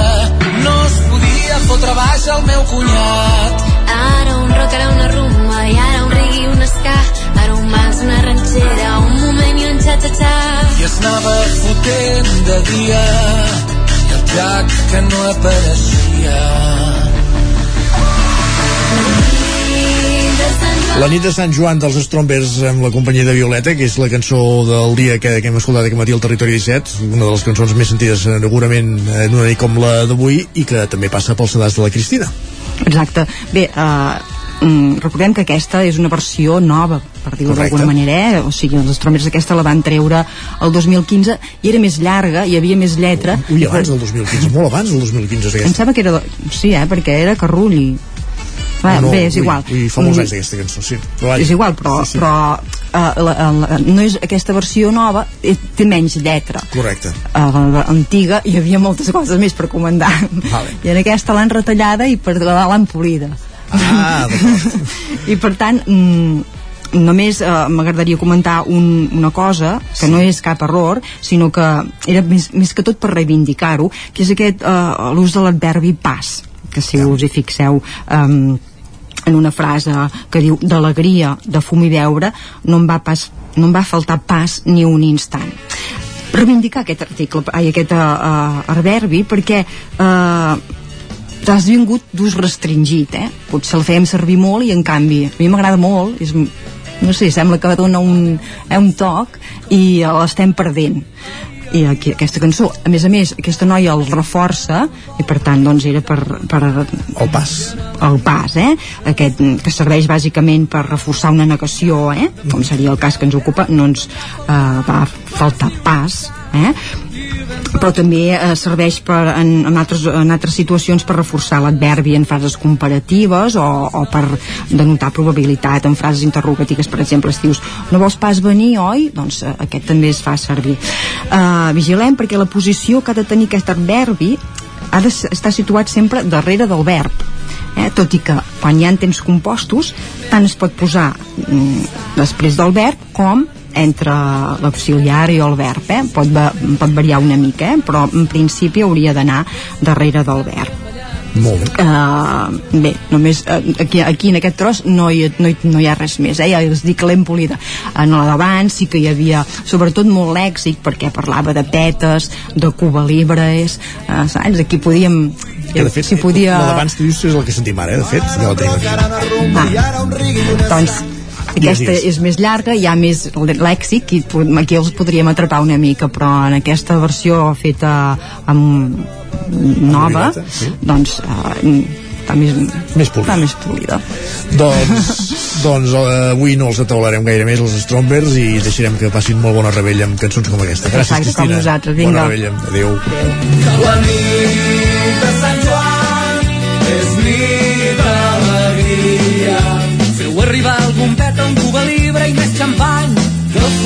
cantant, bevent, ballant, visca la nit de Sant Joan.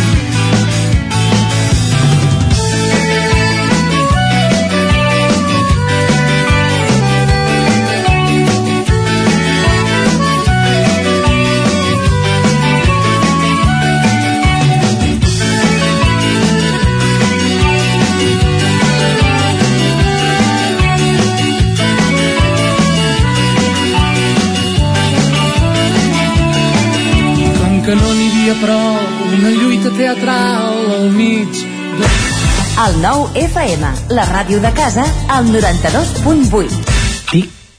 Tac, tic, tac. Per fi, atac dental i radiografia dental a Torelló. A la Clínica Dental Sant Fortià hi trobareu un equip professional que treballa de manera coordinada per oferir un tracte sensible i humà. Estem preparats per qualsevol urgència dental i oferim accions preventives per la tercera edat i els infants. El doctor Ramon Garcia, implantòleg de Barcelona, fa 10 anys que visita Torelló. Truca'ns al 93 859 6408 i tindràs la primera visita gratuïta i la radiografia panoràmica i el tac dental sense cap cost. Clínica Dental Sant Fortià.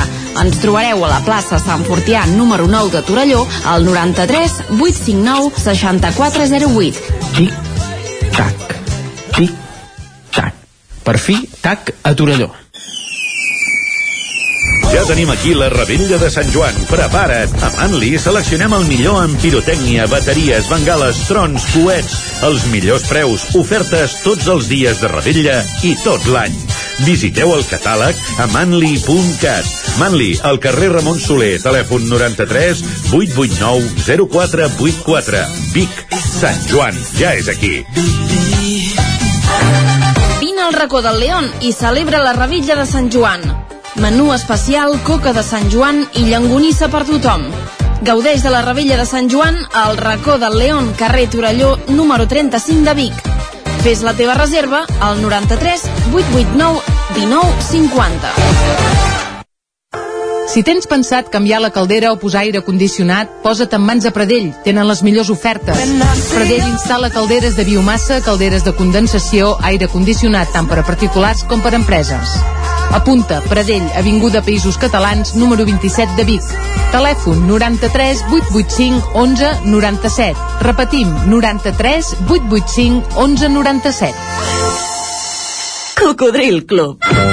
Si t'agrada la bona música dels anys 60, 70 i 80, escolta el 9 FM als matins de dissabtes i diumenges d'11 a 1.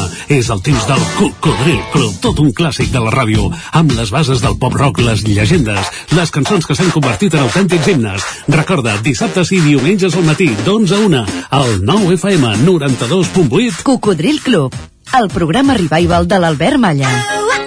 Hasta luego, cocodrilo. Anuncia't al 9 FM. La ràdio de casa. 9 3 8 8 9 4 9 4 9 Publicitat arroba al 9fm.cat. Anuncia't al 9FM. La publicitat més eficaç. El 9 FM, el 9 FM, el 9 FM, el 9 FM, el 9 FM. Territori 17 A Tren d'Alba.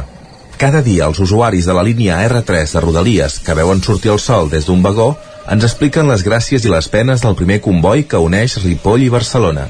Benvinguts a Tren d'Alba. Us he d'explicar que aquesta nit de Rebella hi haurà un servei especial de transport públic per facilitar la mobilitat de les persones en una nit tradicional de celebració. Els serveis de Rodalies de Catalunya de Renfe incrementaran la seva oferta de transport amb 10.500 places addicionals. Aquesta nit i la matinada de divendres es reforçarà la capacitat habitual dels trens que enllacen Barcelona amb les poblacions costaneres del Garraf i de la costa Barcelona-Maresme i la Costa Brava. I també s'ha previst la circulació de 5 trens especials. Renfe programarà comprendrà un reforç de personal en trens i estacions per atendre l'afluència de persones usuàries que es desplaçaran en transport públic, especialment a zones de la platja i al centre de la ciutat per celebrar la rebella de Sant Joan. També reforçarà la neteja, el manteniment i la seguretat a les estacions més freqüentades. Es recorda l'obligatorietat de l'ús de mascareta a bord dels vehicles. A més, es pot trobar més informació sobre l'oferta relacionada amb la rebella de Sant Joan al telèfon 941 0041, a les aplicacions de Rodalies i Renfe Cercanies, a les webs de Rodalies i Renfe i també a les estacions. Va, que passeu una molt bona rebella de Sant Joan. Nosaltres tornem dilluns que ve amb més històries del tren i de l'R3. Territori, Territori 17. 17. Territori 17.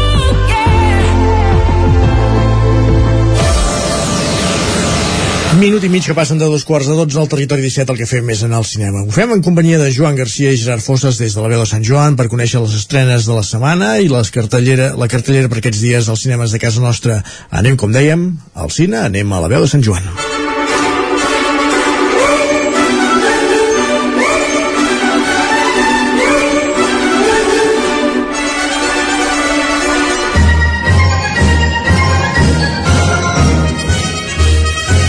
I una setmana més, moment d'anar al cinema, de fer-ho com sempre acompanyats d'en Gerard Fosses. Hola Gerard.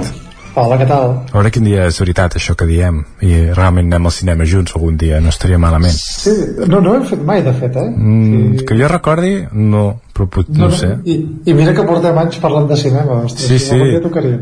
No, no, si, hem- si hem anat junts al cinema ha estat abans de fer aquesta secció, però... Sí, sí. Doncs, mira, un dia fem un concurs amb els oients i que ens acompanyin al cine Mhm. i lloguem una sala, saps? Algo així amb molt pressupost que segur que la veu de Sant Joan té. Mm, sí, sí. Doncs pues ja està. Podem, Parla amb, parla amb l'alcalde. podem llogar una còpia de, de pan de limón con semillas de amapola Exacte. I la mirem. La, la pel·lícula de capçalera. Bueno, ara el ventre del mar, eh, s'està convertint sí, aquí. sí, sí, sí. Però bé, no, no avancem esdeveniments. No, no, no.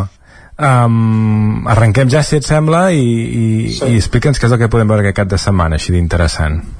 Mira, aquest cap de setmana arrencarem amb una pel·lícula que, que es va presentar a Cannes eh, i que és eh, un biòpic d'aquests que estan tan de moda de- d'una figura musical molt important del segle XX i que es titula Elvis.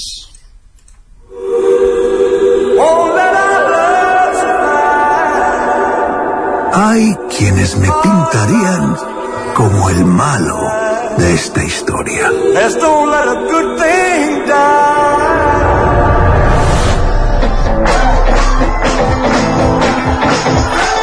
¿Has nacido con estrella o has tenido que buscarla? Un joven cantante de Memphis, Tennessee. Demos la bienvenida con un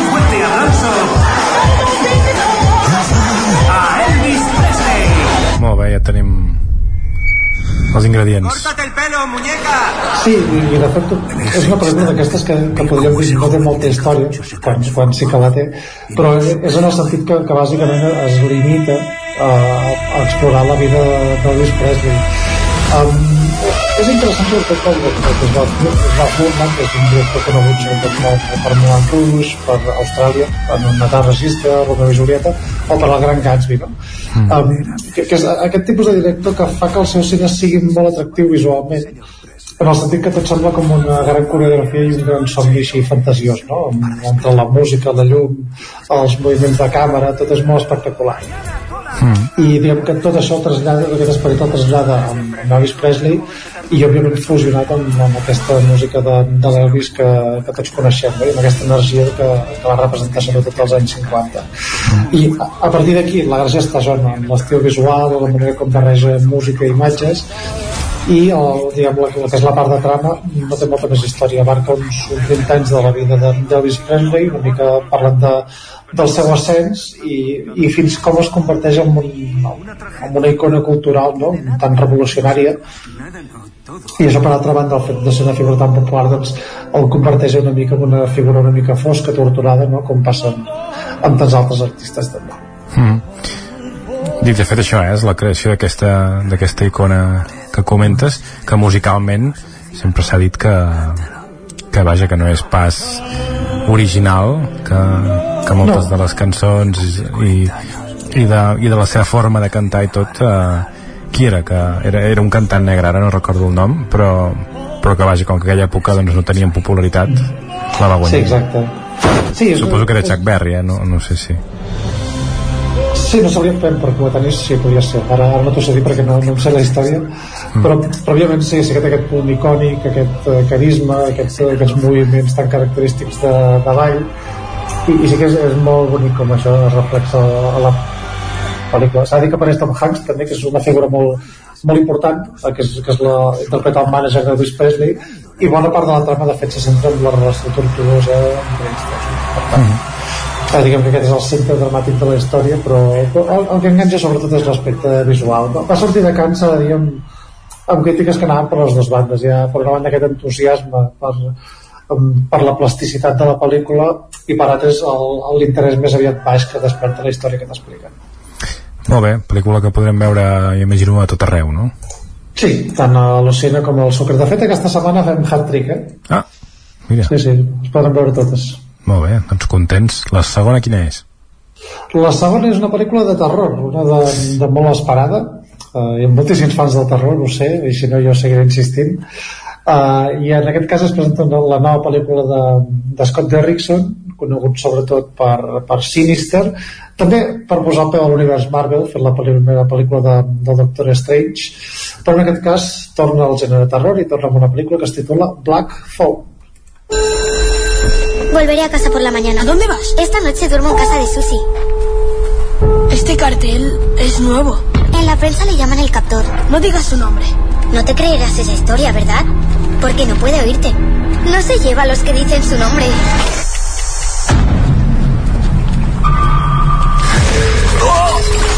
¡Oh! ¡Qué torpe soy! Esta sí que es buena. ¿Quiere que le ayude? Fíjate. Ya. doncs ja està, ja tenim el dolent que pilla el nen protagonista eh? Sí, exacte. És un... De fet, la, el punt de partida és això, un, un assassí uh, enmascarat, en aquest cas encarnat per, per Ethan Hawke, que ja havia col·laborat també amb aquest director, uh, doncs segresta un nen, un nen adolescent, el tanca en un soterrani, i aquí és on comença la premissa interessant, i és que en aquest soterrani hi ha un telèfon que està trencat, en situ amb els encedat, eh, per cert, és, no és un telèfon mòbil. Uh, és un d'aquests d'anar fent la rodeta eh? Sí, exacte. I per aquest telèfon que comença a sonar, doncs comença a sentir les veus de, de les anteriors víctimes de d'aquest assassí que intenten ajudar amb aquest noi a que pugui escapar-se no?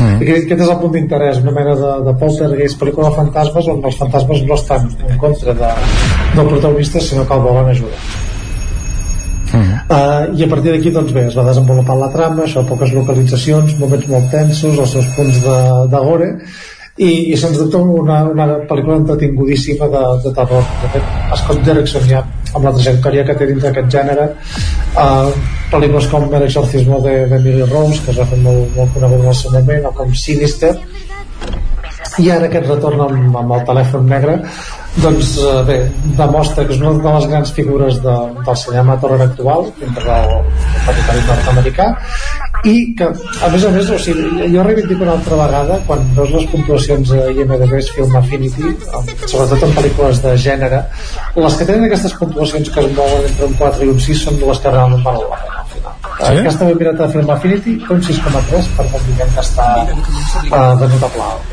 Mm. Mm. Val. Sí, això, això és la meva teoria, eh? la, la podria desenvolupar més, però ja està. Sí, jo Film Affinity em refio de les pel·lícules que són una mica polari- polaritzants. Eh? Si vas a, si vas a veure El Padrino, òbviament tindrà el seu nou, el que sigui. Mm. Però aquestes que són una mica més de, de gènere, més particular, o, o que poden generar certa divisió, o pocs seguidors, entre un 4 i un 6 és només on hi ha les bones. O sigui, un 7 o un 8 no, no us en fieu. Molt bé, doncs Black Phone, aquesta setmana que es parlava del telèfon vermell que connectava als Estats Units i Rússia per Ah, sí. evitar problemes majors, eh, doncs no, no és vermell sinó negre el protagonista d'aquesta setmana a la secció de cinema. I, i de fet el, el telèfon tampoc existia, en realitat era un, un teletipo. Sí. Eh, Sí. Sí, sí, sí. I, i no era vermell. I no era vermell. Mhm. Bé, coses de, de la mitologia periodística. Molt bé, seguim. Seguim i acabem amb, amb, una comèdia així lleugera, proposta espanyola, que és d'aquest tipus de pel·lícules que solen arribar ara en època estival, i, i en aquest cas és d'una monja que es, que es converteix en una entrenadora de futbol. Es titula la pel·lícula Llenos de Gracia. Puto lentejo. Dice que se van a la playa. Porque este tío tiene que tener madre y nosotros no.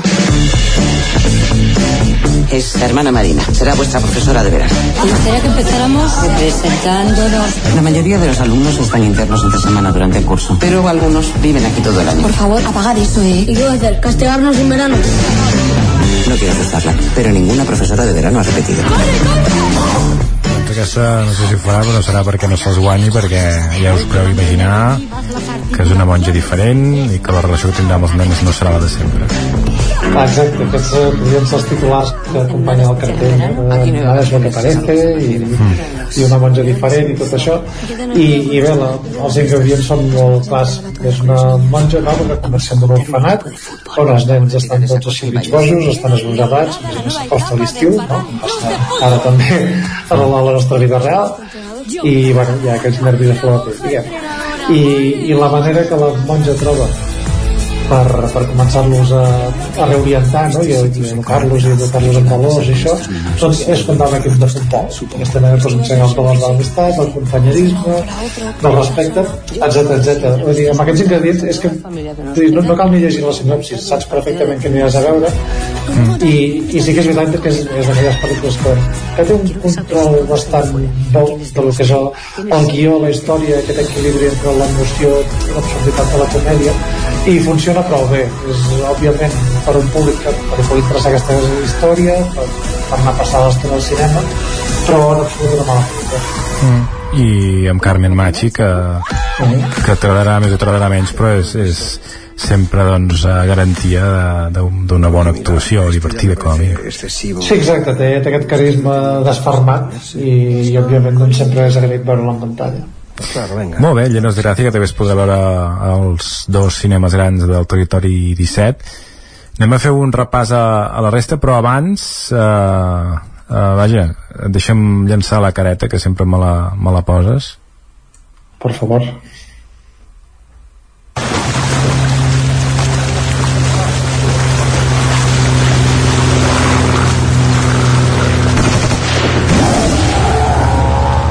que sentiu és en King Kong i intentant atrapar aquestes naus que, que volen en la careta de, de Sitges eh, que és tan característica i potser la gent no la coneix, però vaja.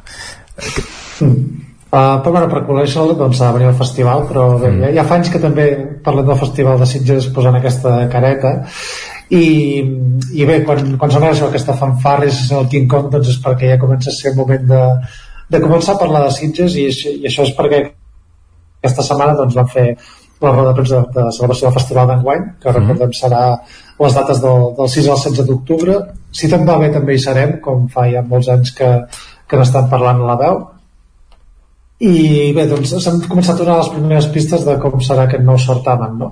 Uh, el més important que, que fan en aquesta primera roda de premsa és presentar el cartell d'enguany, uh, que és un cartell així bastant psicodèlic que està inspirat en, en Tron, la pel·lícula molt influent de la ciència-ficció, dels anys 80 que va tenir una seqüela fa, fa no tants anys, i, i podem veure aquesta figura del King Kong doncs, dibuixada com amb unes línies de, de neó. Sembla una mica el, el, el, el logotip aquell de Joy Division, Mm. però, però bé, un cartell bastant interessant, amb aquest estil minimalista que, que porten els últims anys. Molt bé, i què en destacaries del que ha transcendit? Bé, doncs van començar a, a parlar de pel·lícules de programació sense destacar, per exemple, la inauguració, no? que ser una de les importants, Uh, però sí que van presentar algunes de les pel·lícules que vindran. Una de les importants és, per exemple, el retorn de, de Darío Argento, que és aquest mestre del terror i de, del Giallo, que no ve, no ve a Sitges des de 2012, crec, o 14, quan va presentar aquell, aquell horror que era Dràcula 3D. I en aquest cas tornem una pel·lícula que es diu Occhiali Neri, que és um, ulleres fosques, seria, tenim també un, un habitual des de fa molts anys a Sitges que cada any presenta pel·lícula que és Quentin Dupieux que és un, un mestre de, de la comèdia absurda a, a França més fa pel·lícules molt curtetes d'una hora i deu, cosa que s'agraeix i tan curtetes les fa que aquest any en presenta dues Mm. Uh, torna també un altre habitual del festival, com és Peter Strickland, um, director, entre dates de Barbarian Sound Studio, de, del Duke of Burgundy, um, Infabric algun altre, però bé, el fet és que té una filmografia bastant curta, de fet crec que aquesta és la seva quarta pel·lícula, i les ha presentat totes a Sitges, per tant aquí doncs repeteix amb la seva cita habitual, veurem en, en quina secció, imagino que secció oficial, i un altre nom destacat és, en aquest cas, a clau femenina, que sabem que Sitges fa molts anys que, que aposta o intenta apostar dintre del que troba al mercat pel, pel talent femení. És una pel·lícula d'una dona que es diu Lea Misius, que, que debuta en la direcció perquè és guionista, però és una guionista habitual de, de grans directors francesos com, com que són Claire Denis, com Georges Eliard o Arnaud Desplechin i que presentarà aquí la seva, el seu debut amb una pel·lícula que es diu Els cinc diables eh, que també serà una de les grans promeses d'aquest festival. I una altra novetat que han dit és que torna a la secció Òrbita que és una secció que va desaparèixer misteriosament, no sabem per què eh, i és una secció dedicada a, a thrillers internacionals. Que el thriller sempre havia tingut cabuda Sitges dintre la secció de cinema asiàtic eh, també secció oficial i un any es va, es va decidir doncs, agrupar-la amb una secció pròpia, no? perquè és un gènere ja amb, amb el seu propi estil i a més a més amb una producció molt àmplia. I aquest any doncs, la recuperarem també amb alguns títols, els primers ja confirmats que venen de, de Corea del Sud que ja són els mestres d'aquest gènere. Molt bé, tindrem temps de, de, de parlar-ne més extensament sí. quan s'acosti, quan tinguem més informació i més noms propis.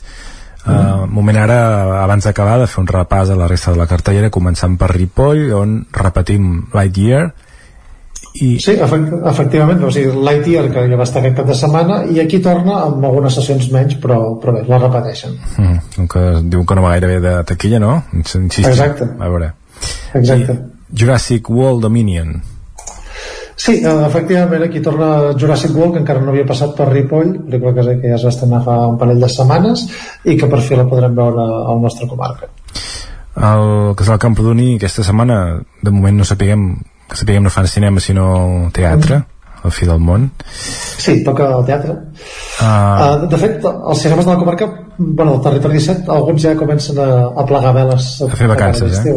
Mm. Sí, sí ja vindran festivals i projeccions especials i això, però la, la programació habitual l'anem perdent, eh? Exacte. Uh, en tot cas, el Casal de Gràcia de Manlleu encara podem veure el ventre del mar, comentava. Sí, pel·lícula que està voltant ara amb el cicle Gaudí, pel·lícula de, de l'Alfonso Vilallonga i... Ai, perdó, Agustí Vilallonga, anava a dir Alfonso Vilallonga, ah, perdó, aquest és músic. Doncs bé, que es podrà veure en aquest cas al Casal de Gràcia Manlleu, que també tenca temporada amb aquesta pel·lícula. I per acabar, a l'Esbarjo de Cardedeu, Gagarin, Sí, l'Esbarjo de Cardedeu també ha acomiadat temporada, no sé si hi haurà alguna projecció especial durant l'estiu, però s'ha d'acabar amb aquesta pel·lícula francesa que és, que és molt bonica, és una, una història infantil, una mica l'estil de, de Florida Project, i és una noia que viu a les afores de, de París en, aquests, en aquestes torres que són de, això, de vivendes socials on bàsicament hi ha gent pobra i, i diuen que eh, ell i amb la seva colla d'amics doncs, s'embarquen en una mena d'aventura que òbviament està relacionada també amb l'espai que porta ja que els edificis tenen el nom d'aquest astronauta. Mm. Perfecte, molt bé. Doncs escolta, moltíssimes gràcies i, i continuem parlant. I tant, a vosaltres i la setmana que ve més estrenes. Adeu-siau adeu doncs gràcies Joan, gràcies Gerard. Amb les estrenes cinematogràfiques amb el repàs de la cartellera arribem al final d'aquesta secció que dediquem cada divendres al cinema al Territori 17 i ara parlem de sèries. Territori 17, el 9 FM la veu de Sant Joan, Ona Codinenca Ràdio Cardedeu, Territori 17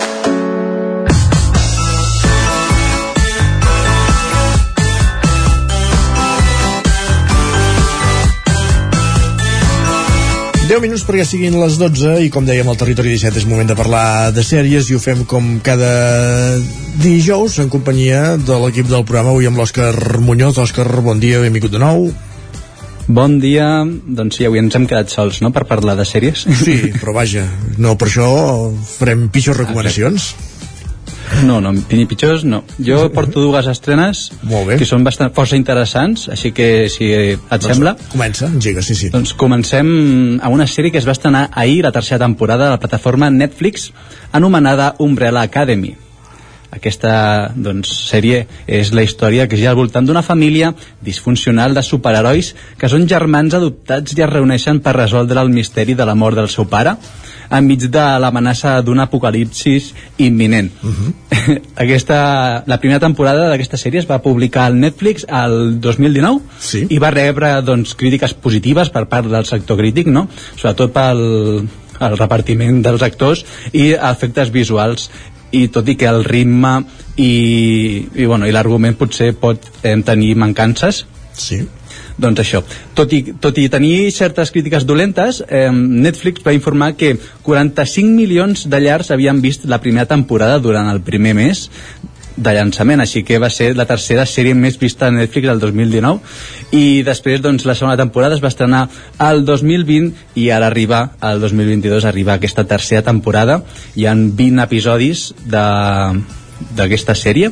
I això, ens expliquen ara us comento una miqueta l'argument perquè això, són uns, són uns nens amb superherois però tot això comença la història al 89 on 43 dones de tot el món doncs, donen la llum de forma simultània malgrat que cap d'elles doncs, mostrava cap signe d'embaràs fins que va començar el part. Doncs set d'aquests nens adoptats bon, van ser adoptats per eh, l'excèntric multimilionari Sir Reginald que els va convertir en un equip de superherois en els quals es va anomenar The Umbrella Academy. Doncs aquest eh, multimilionari eh, va donar els noms pels nens i els hi va posar noms de, de números. I finalment no va ser la mainadera que és una mare robot que els hi va posar nom. O sigui, aquesta sèrie tot i que he comentat abans que potser l'argument és el típic clàssic de, de sèrie, no és la típica sèrie de superherois. O sigui, podríem dir que és bastant... no hi ha tanta acció, sinó que també és més de recerca de, de trobar aquí el, el dolent en general no és la millor sèrie del món però sí que resulta bastant entretinguda val? o sigui, si això, tota això vegades- que encara no l'hagi vist de vegades va bé tenir coses entretingudes per deixar-se portar, seure's al sofà i que, que vagin passant coses i no haver de pensar massa Exacte, sí, perquè últimament amb, tant, amb tanta oferta no, estem com criticant potser una miqueta massa sobre tot això que ens estan portant de nou, però clar, és que no paren de treure sèries uh -huh, exacte. i, i això, d'Umbrella Academy la recomanaria. Molt bé, jo aquests dies I estic... també... Anava, sí? Si vols te'n faig una i després continues tu amb l'altra. Sí, fes-me una. Jo, jo aquests dies estic mm, seguint la segona temporada d'una sèrie que, que ja havia vist a Netflix, que, que és una sèrie sueca, que es diu Amor i Anarquia, que és una mena de comèdia així àcida que transcorre a l'entorn d'una protagonista, un personatge protagonista que és la directora d'una petita editorial a la qual doncs no, no li van sortint els números i ella intenta redreçar el rumb. A l'entorn de l'editorial i a l'entorn de, de la protagonista hi ha diverses eh, situacions també amoroses, per entendre'ns, ella eh, aca- s'acaba divorciant perquè té un afer amb, amb l'informàtic de l'editorial que és molt més jove que ella a la segona temporada eh, aquí per, ja podríem parlar d'un triangle amorós perquè a l'entorn de la feina hi ha una tercera persona que entra, que entra en, aquest, en, en aquest, en aquest afer. Ella ja està divorciada, torna a l'editorial perquè havia, a la, al final de la primera temporada en marxa de, de males maneres però al final la recuperen per la seva efectivitat. En un moment doncs, que encara és pitjor la situació de l'editorial. I una mica de vegades la reflexió que feia eh, ahir mirant-la és allò de, ostres una sèrie quan, quan està bé, un cop va ser la primera temporada no, no, no cal, no necessàriament no tens la necessitat d'allargar-la perquè potser mm, has deixat el llistó alt a, a, a la primera temporada i intentes continuar trames i seqüeles i potser no, no ho millores. Però vaja, era una era, era una reflexió que feia ahir tot mirant-la. No dic que no estigui bé la segona temporada que no estigui a l'alçada de la primera però si més no, a vegades tens la sen- sensació de guions una, una mica forçats o personatges excessivament estripats en aquesta línia. Però vaja, qui vulgui passar-s'ho bé ja et dic que és una comèdia sueca que podem trobar a Netflix, Amor i, i Anarquia a l'entorn d'una petita editorial i els problemes que es troba una editorial ara, eh? per entendre'ns que això que la gent llegeix pot semblar que llegeix menys, que no compra llibre, llibres tradicionals, que hi ha algun personatge d'aquells enquistats en el passat, allò de, de no moure's amb, amb el que s'ha fet sempre a les editorials i que això fa que, que, que la cosa, que, que, que l'empresa no avanci. Per fi, hi ha eh, diversos personatges divertits, diverses trames i, i és una recomanació més que, que llancem des d'aquí. Va, continua, una altra. Doncs em, jo aquest matí he quedat una miqueta... he vist una sèrie que s'estrena demà a Netflix. Sí. és La casa de papel, La casa de paper, Ah, sí, però és un clàssic. Bueno, versió coreana. O sigui, Netflix crec que ha trobat la, la, la fórmula de la Coca-Cola per, per fer Sí. que les sèries doncs, eh, tinguin més, no sé com dir-ho, més hype. eh. Però per, per tant no són, el, Em, no són els actors d'aquí ni el- d'allò, sinó que ja és una adaptació no. amb actors coreans i tot plegat, eh, per entendre'ns? Ah, exacte. Sí, eh, amb una màscara diferent i tot, eh? Si no és Ja el el Dalí, Dalí. serà... Exacte. la versió coreana de la Casa de Paper es situa en el moment en el qual eh, Corea del Nord i Corea del Sud estan a la vora d'una reunificació pacífica Carai. després gairebé 80 anys de divisió, no? I mentre que les nacions es preparen per imprimir una nova moneda comuna, doncs... Eh, els atracadors planegen un cop, no? Ostres. Està la, el paper de, del professor estarà i reunirà doncs, a un grup variat de lladres de primer nivell per robar la nova moneda que d'aquestes dues Corees. O sigui, de trama no, no, no és gens dolenta. O sigui, jo crec que aquí pot haver-hi bona, I, i bones trames. Pel que dius, no és només oferta pel públic coreà, sinó que serà Netflix, la podrà veure tothom, per entendre'ns, eh? Clar, aquí, aquí és la, la... No, aquí és, podríem dir que és la, la fórmula de Coca-Cola que hem comentat abans. Uh, Netflix, eh, què ha fet? Ha agafat les dues sèries o sigui, ha agafat dues sèries de les més vistes de la plataforma sí. amb llengua no anglesa, que és La Casa de Papel, que va sí. ser líder de, de no parlar no anglesa del 2019, i eh, la del 2021 va ser la del Juego del Calamar i què van dir? Doncs mira, agafem aquesta sèrie que és la més vista en llengua no anglesa i després doncs la fem versió coreana que ja hem vist que la versió del Joc del Calamar versió coreana doncs ha tingut doncs un, ressò molt bèstia sí. llavors amb aquesta sèrie Netflix vol eh, o pretén eh, que sigui la sèrie més vista de la història de, de la seva plataforma La Casa de Paper versió Corea Doncs això veurem com evoluciona aquest eh, remake de la Casa de Paper versió coreana que és una nova aposta de Netflix. l'Òscar l'ha descobert aquest matí i per tant veurem els propers dies com la cosa evoluciona i segurament en tornarem a parlar. Òscar, moltes gràcies per ser un dijous més tu. aquí al Territori 17 i ens veiem després de la rebella. Bona rebella i bon cap de setmana. Igualment. Adéu-siau